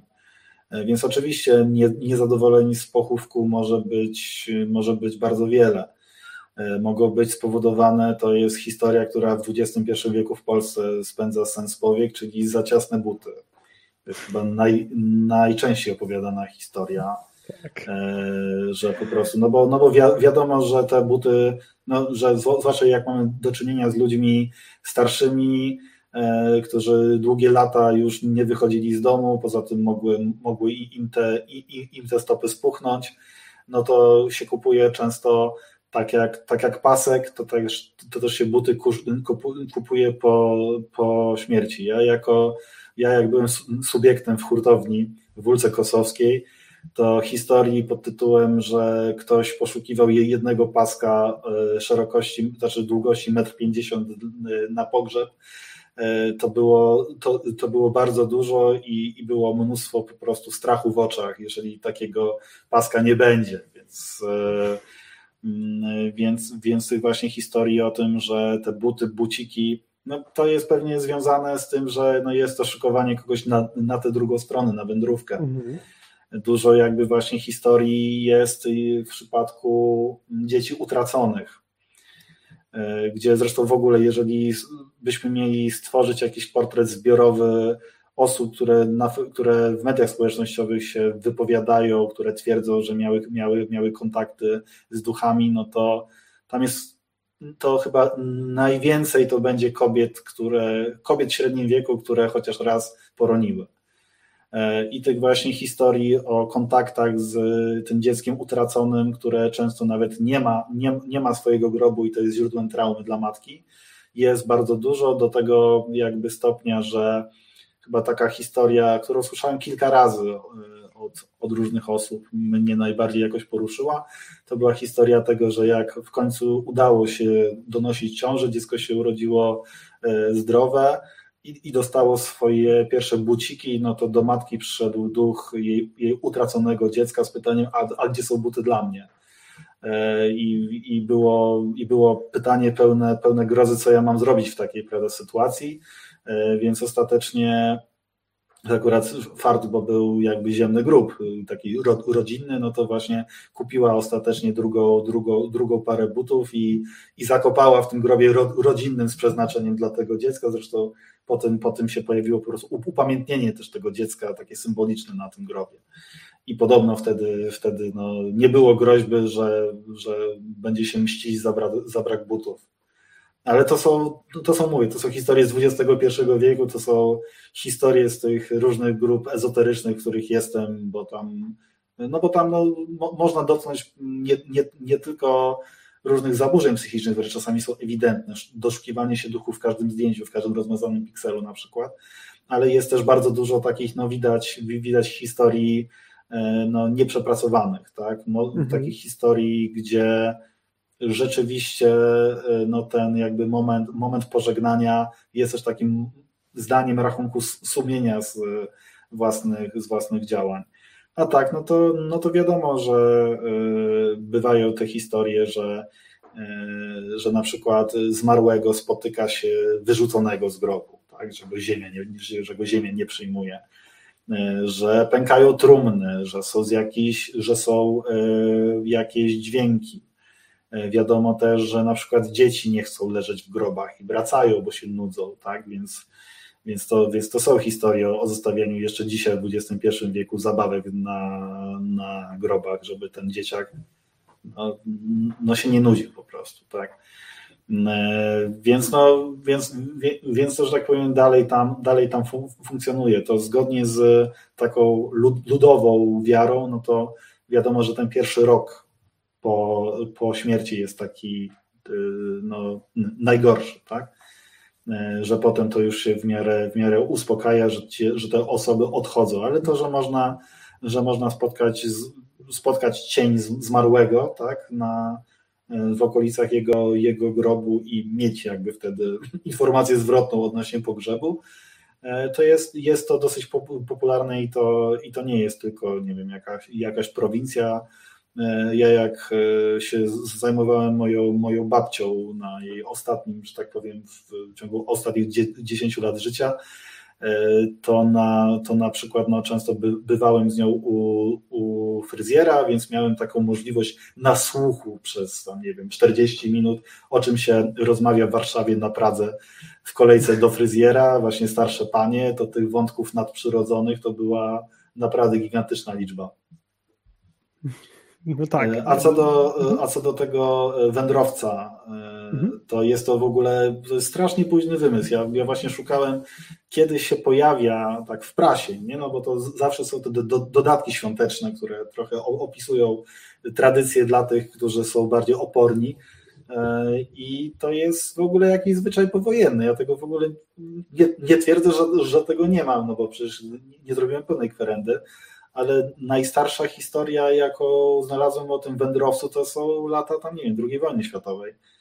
E, więc to trochę jak, jak, jak, jak z tym karpiem, który też jest tradycyjny od roku 46. E, a tak, no to, to, jest, to jest pozostawiony dla, moi, dla, dla bliskich zmarłych którzy często nie są w ogóle z imienia i nazwiska, tak? tylko to jest w ogóle symboliczne miejsce, znaczy jest to taki symboliczny talerz dla wszystkich, którzy, którzy by mogli tego, tego talerza potrzebować. No, mój, mój dziadek był z Wołynia, z Równego e, i to też u nas funkcjonował ten talerz e, jako miejsce dla zmarłych, a kiedy babcia zmarła, no to już, już, już przy tym talerzu się pojawiło zdjęcie babci i to już było jakby, jakby, pod, jakby mm, podpisane, więc to taka jakaś no, daleka kresowa może właśnie tradycja stamtąd.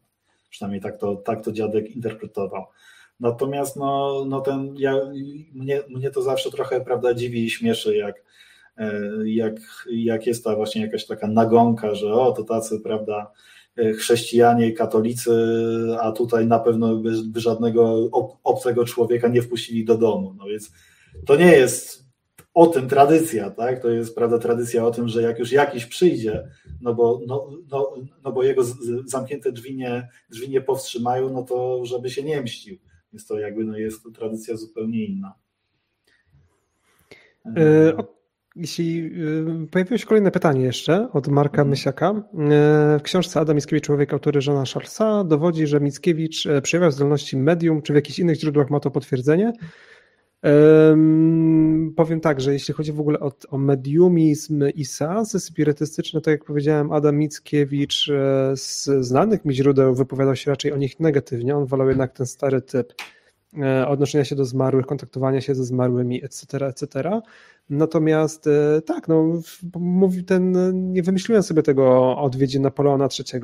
Mickiewicz, nie pamiętam w liście, który to jego ze znajomych opisywał z listów tą zachowanie się Mickiewicza. Natomiast jeśli ktoś wiedzie, wierzy w to, że rzeczywiście Mickiewicz potrafił się skontaktować z duszami zmarłych, bo być może ten znajomy źle interpretował i chodziło o Napoleona Wielkiego, a nie trzeciego, E, czy, czy kontaktowanie się z jakimiś innymi istotami. No jeśli ktoś wierzy w takie rzeczy, no to w tym źródle ma jakieś takie potwierdzenie. Łącznie z też e, z tym, że e, jak wielu Towiańczyków, Mickiewicz na przykład wierzył w to, że jest wcieleniem różnych osób, między innymi Mickiewicz twierdził, że jest wcieleniem Joanny Dark, nie wszyscy o tym wiedzą, też jakiegoś mnicha, który był już słynął z ascezy i jakiegoś rycerza, bo tak Motowiański to przepowiedział.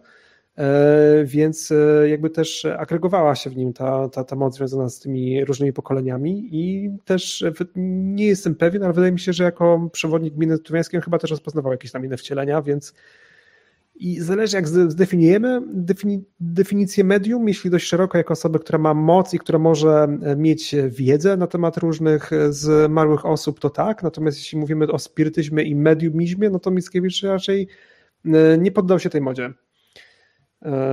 Było jeszcze jedno źródło, które, które kojarzę, e, dotyczące czyjejś choroby, która miała być związana z jakimiś duchami, które do danej osoby przylgnęły.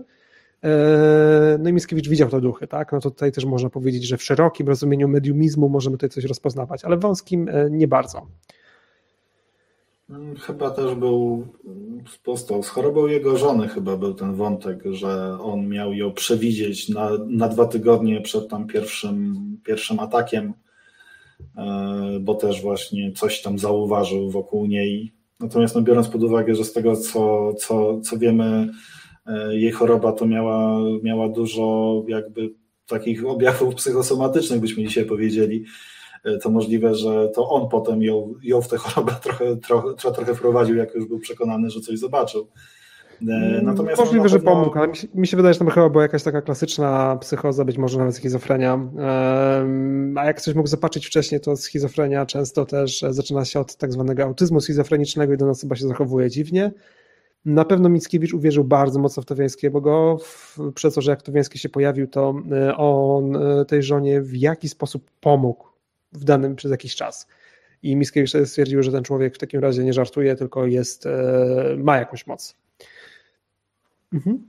No, natomiast no, nie da się ukryć, że był mocnym rzecznikiem, że, że zdolności parapsychiczne są prawdziwe Oj, zdecydowanie. E, I, I że tak powiem, no dawał, no to, te jego eseje na ten temat są, no, jak na oczywiście swoją tam epokę i na, i na te źródła, na podstawie których pisał, no są takie, no, w, w zasadzie można je już nazwać, e, że one wchodzą w skład para, parapsychologii po prostu, tak, że Zdecydowanie to już, tak. to już były, on już był takim, no powiedzmy badaczem wiedzy, wiedzy, ta, wiedzy tajemnej w taki sposób bardzo, bardzo nowoczesny. E, to prawda, nie, były, nie, nie było to, co, do czego jesteśmy tam powiedzmy e, w przypadku Ochorowskiego przy, przyzwyczajeni, czy w ogóle tej połowy przełomu XIX-XX wieku, ale to, ale już te jego pisma, które, które pisze w Paryżu na, na przełomie lat 40-50, tak, to jest para, parapsykologia europejska. Zdecydowanie tak. E, Maxim Aibe widzę, że ma kolejne, kolejne pytanie. Odniosę się jeszcze do rytuałów ich zabijania. Czy w różnych źródłach przejawiają się wzmianki o osobach zajmujących się stricte taką działalnością, to jest zabijaniem upiorów? Z znanych mi źródeł wychodzi, e, że tak, były osoby, które, które, które miały szczególną tą zdolność. Mogły to być osoby, po pierwsze, które e, same uważały się za upiorów i przez to miały moc rozpoznawania, kto jest upiorem i mogły je zabijać. To jest jedna z kategorii. E, druga z kategorii to na przykład bardzo często owczarze uważano za osoby szczególnie wtajemniczone w magię, które potrafiły szczególnie, były szczególnie skuteczne w zabijaniu upiorów. I wydaje mi się, że chyba u ciebie, poprawiam, jeśli się mylę, ale na twoim kanale było coś o prawdziwych Wiedźminach. Czy to nie przypadkiem nie byli właśnie upierobójcy profesjonalni? Czy coś mylę fanpage'em? Chyba nie. nie. Ja chyba na kanale o tym nie mówiłem, natomiast rzeczywiście, znaczy yy, zawsze starano się yy, pójść do, do największego autorytetu nadprzyrodzonego, który był, który był w okolicy więc owczarz, tak, zwłaszcza tutaj mhm. wiemy to dzięki badaniom Bogdana Baranowskiego, jak to wyglądało w ziemi łęczyckiej, a wyglądało dosyć potężnie. E, natomiast no, pamiętajmy, że tych, e, no, że tam bardziej liczyła się znajomość rytuału tak naprawdę, niż jakieś wiem, własne zdolności, własną, że tak powiem, świętością. No to jest to jest temat zbyt powszechny w gruncie rzeczy, żeby, żeby, żeby się pozbawiać tych możliwości. Więc no bardzo często e, kościelny był takim e, lokalnym pogromcą duchów, bo on miał też e, dostęp do, do różnego rodzaju sakramentaliów, dewocjonaliów. To był też często organista, więc znał pieśni odpowiednie do tego. No poza tym no, to bardzo, bardzo często szła, szła, szła po prostu cała, cała, cała wspólnota i się, i, i, starała temat, y, i, i się starała temat rozwiązać. E, wiemy, że w przypadku na pewno pierwszego upiora, o którym wiemy, to jest przykład ze świętego, to jest na terenie mm, no, cmentarza przyparafialnego kościoła świętego Floriana w Krakowie wtedy na, na, w Kleparzu pod, pod Krakowem w roku 1629 bodajże. To była po prostu procesja, wykopali e, podejrzane zwłoki, pokropił je proboszcz i, i zostały po prostu spalone i to, i to jakby rozwiązało temat. E, no, natomiast no, no, mamy, mamy też te jakby na przykłady samosądów z, z, z, z Ukrainy, to jak to w tych książkach, które które omawiałem przy okazji procesów czarownic, tak, to, e, to tam, ale to, ale to znowu, że tak powiem, no szła, szła, po, szła, szła po, po, po prostu gromada wiejska, często z lokalną szlachtą jeszcze, tak, i oni powiedzmy no, załatwiali temat, który, do, który dotyczył wszystkich wspólnie. Tak, jest e, bardzo mroczny opis propos zabijania żywego upiora, w sensie nie z grobu wyciągniętego ze wsi, o jakże pięknej nazwie Nochujowice na Ukrainie i to w upiorze historii naturalnej jest dość e, głęboko pisane. Ja chyba za chwilę będę musiał kończyć, bo słyszę, że mój pies domaga się spaceru, ale myślę, że jeszcze odpowiemy chyba na kilka pytań. E, Dariusz Kokul pyta, czy upiorów, e, do upiorów, czy wierzeniach chłopskich upiory objawiały się jak czy upiory obja, obawiały się jakichś zwierząt gospodarczych? Czy któreś z tych zwierząt mogło stanowić swoisty amulet przed upiorami? Szczerze mówiąc, nie za bardzo to znam. Wiem, że e, czasami zabijano jakieś zwierzęta, żeby odstraszać w ogóle złe moce, na przykład zabijano sowę i przybijano ją do stodoły albo kanie. E, były też takie na Kaszubach, taki, taki zwyczaj sądu nad kanią, którą też gdzieś biedne zwierzę zamęczone gdzieś wieszano, ale nie kojarzę, żeby jakieś żywe zwierzę były tutaj, żywe zwierzę było amulet, amuletem konkretnie przed upiorami. Nie znam. Znaczy, można, było przerzucić wszelką, e, wszelkie powiedzmy no, działanie złych mocy na, na zwierzę, stąd mamy e, na psa urok, tak, no to wtedy A to, to co tak, miało się nam stać, no to, no to się miało zwierzęciu. Jest to taka ale no, generalnie, generalnie są to wierzenia, które właśnie mają, mają, mają pokazać ten pewien fatalizm, tak? To, są, to były wierzenia takie bardzo dra, drapieżne, to jest to, co to jest ta nić porozumienia, jaką Witold Vargas znalazł między folklorem japońskim a folklorem słowiańskim, tak? Czyli E, mamy jednak do, do czynienia z całym szeregiem sytuacji, na które nie ma, nie, ma, nie, ma, nie ma odpowiedzi. Człowiek nie jest w stanie nic z nimi zrobić, e, może im tylko zejść z drogi. E, więc ta sprawczość jest ograniczona. Tak? Zresztą bardzo często nawet odrąbanie głowy no tam na tego upiora e, nie działa, bo on, bo on prawda, potem, potem wchodzi i podrzuca tę głowę sąsiadom gdzieś tam i prawda, śmiechom, śmiechom nie ma, nie ma, nie ma końca, bo mówił, nie, jak się tam pojawiają i tam baby, baby umierają ze, ze, ze strachu. Tak? Więc to nie jest takie nie jest to, to takie łatwe. Nawet ten czosnek, który ma tego upiora odstraszać, no to się wziął z tego, żeby, żeby prawda, upiora poczęstować czosnkiem i prawda, kieł, y, y, kiełbasą, bo jeżeli chuchnie, no to nie, nie tym swoim upiornym chuchem, tylko prawda, czosnkiem, więc też mamy zupełnie, zupełnie co innego. Zresztą pamiętajmy o tym, że wbrew właśnie temu naszemu dzisiejszemu wyobrażeniu. Poświęcona ziemia, na którą, prawda, nie wiem, upiór bez głowy w filmie z Johnem Deppem no, nie może wejść i musi tam, nie wiem, wyciągać ludzi stamtąd w inny sposób. To jest złudne poczucie bezpieczeństwa, e, które, którego w epoce nowożytnej się nie podziela. Strach przed szatanem i jego emanacjami jest tak duży, że szatan sobie poradzi, tak? Zwłaszcza już nie mówiąc o tym, że, e, że nawet właśnie ten tam, nie wiem, kościół, kaplica, te prawda, miejsca, które, które my byśmy wskazali jako te takie miejsca, e, miejsca bezpieczne, czy nawet łóżko, tak, które u nas się, prawda, czy dom, który, który stał się takim, takim miejscem bezpiecznym, e, tego wszystkiego nie ma. To są wręcz miejsca, gdzie się można spodziewać, że będzie właśnie jakaś, jakaś prawda, działalność silnie czystych. E, Tutaj też już o tym mówiłeś nieraz, ale że właśnie w kościołach e, można spotkać e, zmarłych, którzy bywają bardzo wrogo nastawieni do żywych. Tu, tu mówimy o kościołach, ale to samo przecież było w bożnicach żydowskich, że o północy tam się przychodziły dusze modlić i odprawiać swoje rytuały, żeby się oczyścić za różne przewiny. I nie warto było im przerywać, bo to się mogło skończyć tym, że one sobie wyrywały głowy i rzucały czaszkami w takich ludzi i w ten sposób próbowały na przykład ich zabić. Zresztą te mhm. ataki tych e, duchów, e, które potrafiły właśnie własną swoją głowę wyrwać, żeby w kogoś cisnąć, czy ustawiać trumny jako e, drabiny, żeby się dostać gdzieś, gdzie jakiś biedny człowiek tak. się... Dokładnie, tak? To, to, to jest e, kolejny temat rzeka. E, Weronika jeszcze pyta, a co na Kościół, na tych upi upierobójców, no to chyba możemy tutaj powiedzieć, że Kościół bardzo często aktywnie się przyłączał do tego, dopiero w dobie oświecenia i co także promieniowało na XIX wiek, część księży uważała, że tego nie powinno robić, zaczęli się przeciwstawiać. Ale tak nie było na samym początku. Na samym początku to, przynajmniej z źródeł, które znam, to wiem, że dość ochoczo się dołączano do upierobójstwa czasami pytano papieża, czy, mogą, czy można pewne rzeczy zrobić. Na przykład e, biskup Bodaj Dębicki e, był e, upiorem i tam chyba wysłano zapytania, czy można go, czy papież pozwala na przybicie go osiekowym kołkiem. Na wszelki wypadek przebito go osiekowym kołkiem albo odrąbano mu głowę, już nie pamiętam, zanim przyszła odpowiedź z Watykanu, bo stwierdzono, że no, trzeba szybko działać. Z Lateranu wtedy jeszcze. Jeszcze raz, przepraszam. Aha, z, lat... okay, przepraszam. z Lateranu chyba wtedy jeszcze. Okay. zawsze mnie to bawi. Znaczy, e, pamiętajmy, pamiętajmy o tym, że e, my mamy trochę inne wyobrażenie kleru, bo my próbujemy przerzucić ten nasz dzisiejszy, bardzo scentralizowany kler na to, co było dawniej.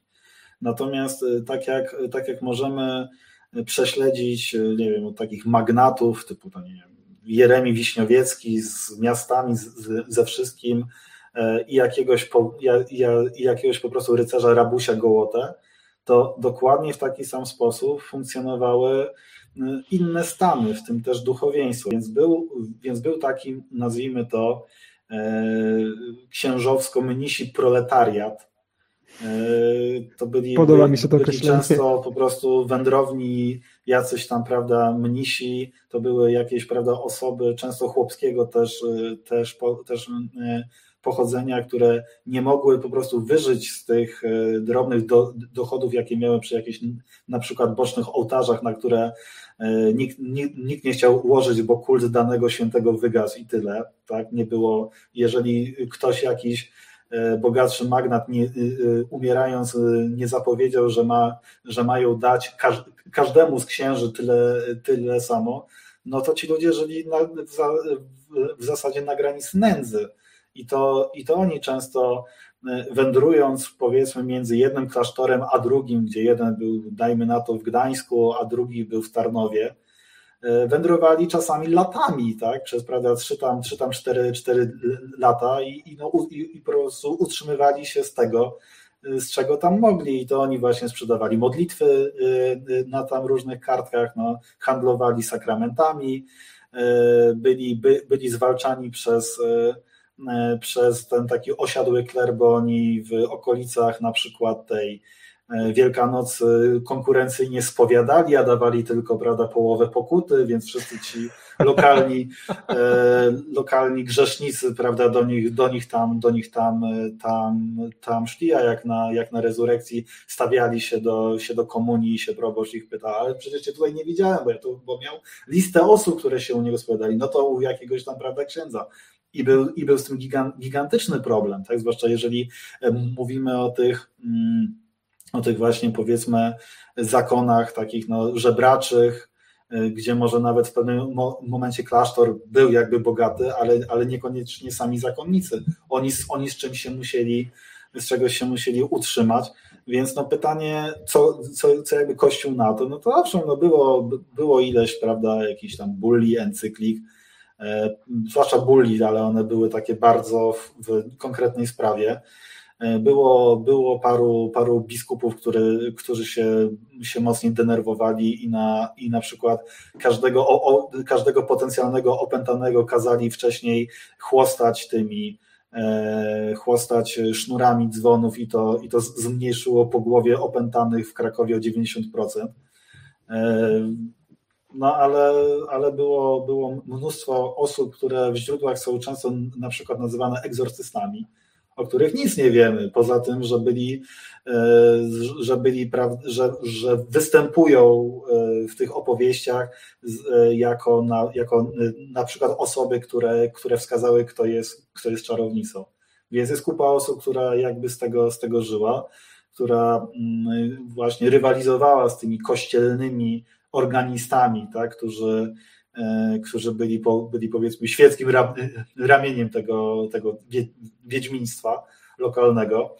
E, na pewno no, też, był, też, był ten, też był ten problem, e, no, że byli skuteczni w jakiś sposób, tak? że, że oni pobudzali jakoś też to, też to ży, życie religijne, na które się mocno narzeka, tak? bo, bo ci chłopi, ten, ten prawda, to wyobrażenie Polaka, katolika i tego, i tego pobożnego polskiego ludu, co na, co, co, co na klęczkach na Jasną Górę w, ty, w, w 1655, no to, to też jest takie no, no takie XIX-wieczne wyobrażenie, jak my sobie zobaczymy w tych kwitach, które, które mamy z różnych kontroli, jak mamy kazania, które po prostu pokazują, że tutaj E, chłopi to się ożywiają tylko jak jest dawana ofiara, bo, bo ktoś, prawda, krowę przyprowadził ją, i ją, prawda, prowadzi, zamiast, prawda, powiedzmy na tacę, to ją, prawda, prowadzi do tam ołtarza, więc się coś dzieje, albo jak jest fajne kazanie, gdzie są efekty specjalne, że tam, prawda, ogień bucha,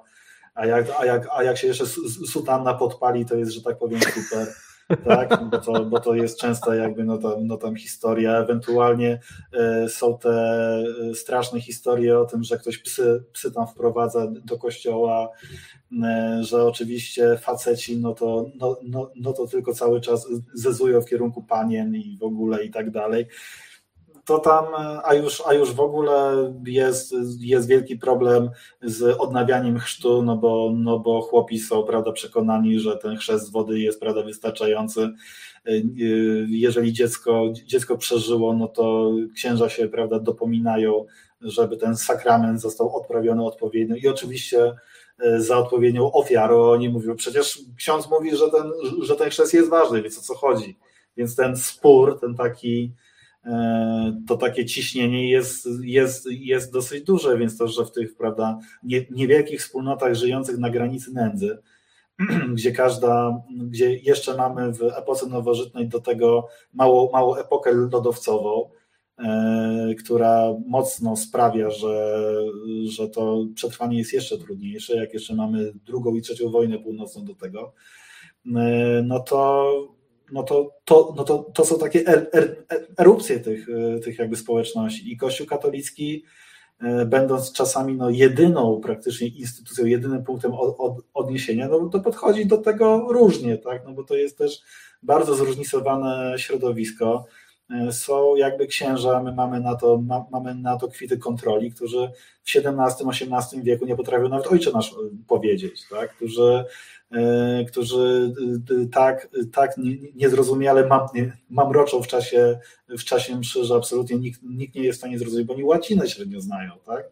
E, więc no jakby jak, jak się zawsze pyta, stawia te pytanie, a co na coś Kościół, no to, to nie jest ten Kościół, który my znamy. Jednak no, sobory watykański i, i drugi bardzo mocno zmieniły te, te instytucje. Przepraszam cię, rozgadałem, jak zwykle. Nie, nie, ale bardzo słusznie, bardzo słusznie, że ten temat rozwinąłeś, ale myślę, że chyba nasze wypowiedzi się mniej więcej uzupełniły, pokazałeś duży kontekst. Udało mi się wspomnieć też o tych listach, które szły do Watykanu. W przypadku tego biskupa, biskupa upiora, co świetnie to Kozak opisał. E, no i rzeczywiście było różnie, nie? Z tymi, z tymi, z tymi, mm, z tymi upiorami. Wiem, że pod koniec XVIII wieku wiązałem to z oświeceniem, dlatego że pod koniec XVIII wieku znalazłem, znajdowałem kazania E, które, które potępiały zabobon i w XVI i w XVII wieku ich nie kojarzyłem, nie znalazłem takich, stąd uznałem, że ten prąd myślowy mógł mieć wpływ na, na, na, na zmianę paradygmatu, w przypadku niektórych oczywiście księży. Wiesz co, chyba będę musiał niestety już kończyć. Pada jeszcze kilka ciekawych pytań, ale myślę, że najwyżej kiedyś jeszcze zrobimy e, dogrywkę i, i, i może jakoś też szczególnie więcej poświęcimy czas e, samym upiorom, a jak ktoś by byłby ciekaw, skąd pochodzą różne wyobrażenia zaświatów, to zawsze możemy e, później wskazać ten, ten, ten, ten, ten naszego live'a jako źródło do, do, do obejrzenia. Tak, więc jeżeli, więc prosiłbym, żeby te mm, pytania, jeżeli macie, to, to żeby je tam nam prze, przekazać, czy na Facebooku, czy w jakiejś innej, innej formie się z radością do tego odniesiemy. Mam nadzieję, że na kolejną wspólną prelekcję nie będzie trzeba rok czekać. Trochę tych tematów się nazbierało. E, no, a na razie dziękuję Jacku, Tobie, Mikołaju. Hmm? Jeszcze pozwolę sobie na jedno y, tutaj dygresję zrobić, bo Weronika Mieczkowska napisała Mikołaj, zbliża się godzina duchów, może odpuść sobie spacer z psem. No nie mogę odpuścić, jeśli chcę trochę cokolwiek pospać albo nie znaleźć kałuży gdzieś, gdzieś, gdzieś obok, ponieważ mój pies jest mały, ale e, mój pies należy w ogóle do gatunku lękowych i propos tego domu, z, gdzie, w, którym, w, którym, w którym mieszkam, gdzie miał być kiedyś jakiś duch e, duchownego i tam są związane z różne ciekawe historie, E, to e, mój lękowy pies w czasie pierwszej nocy wychodził, e, zeskakiwał z łóżka, patrzył w ciemność na ciemny korytarz, gdzie nie było absolutnie nic i szczekał przerażony. E, więc ja już się zahartowałem na takie historie i e, chyba nic bardziej jeszcze hardkorowego mnie nie zaskoczy. Więc wyjdę na ten spacer i tym pozytywnym akcentem e, będę kończyć i dziękuję wspaniałej publiczności. Jacku zawsze jest na tych live'ach. Niesamowita publiczność się zbiera, która zadaje fantastyczne pytania i to jest zawsze wielka przyjemność prowadzić, znaczy współuczestniczyć w tych live'ach. Więc widzicie, to, to, jest, to jest wszystko dla Was i, i, i, i przez Was, więc e, jak najbardziej da, dawajcie nam różne propozycje, no bo siłą, siłą rzeczy zajmujemy się tak szerokim spektrum, że czasami ciężko jest coś wybrać, e, a wiem, że no, no jest tej literatury szczęśliwie coraz więcej i ona jest coraz lepsza i to, są, to jest w ogóle wspaniały trend, Natomiast no, będziemy zawsze wdzięczni za wszelkie wskazówki, a na razie no, zostało Wam 40 minut y, tych y, dnia, dnia zadusznego. Jeżeli się prawda, spieszycie do jakiejś kaplicy, na opuszczony cmentarz, to, no to przynajmniej nie, nie zrzucajcie na nas, że żeśmy za długo trzymali. Więc trzymajcie się ciepło i gdzieś tam pewnie do zobaczenia. Dobrej nocy. Dobrej nocy.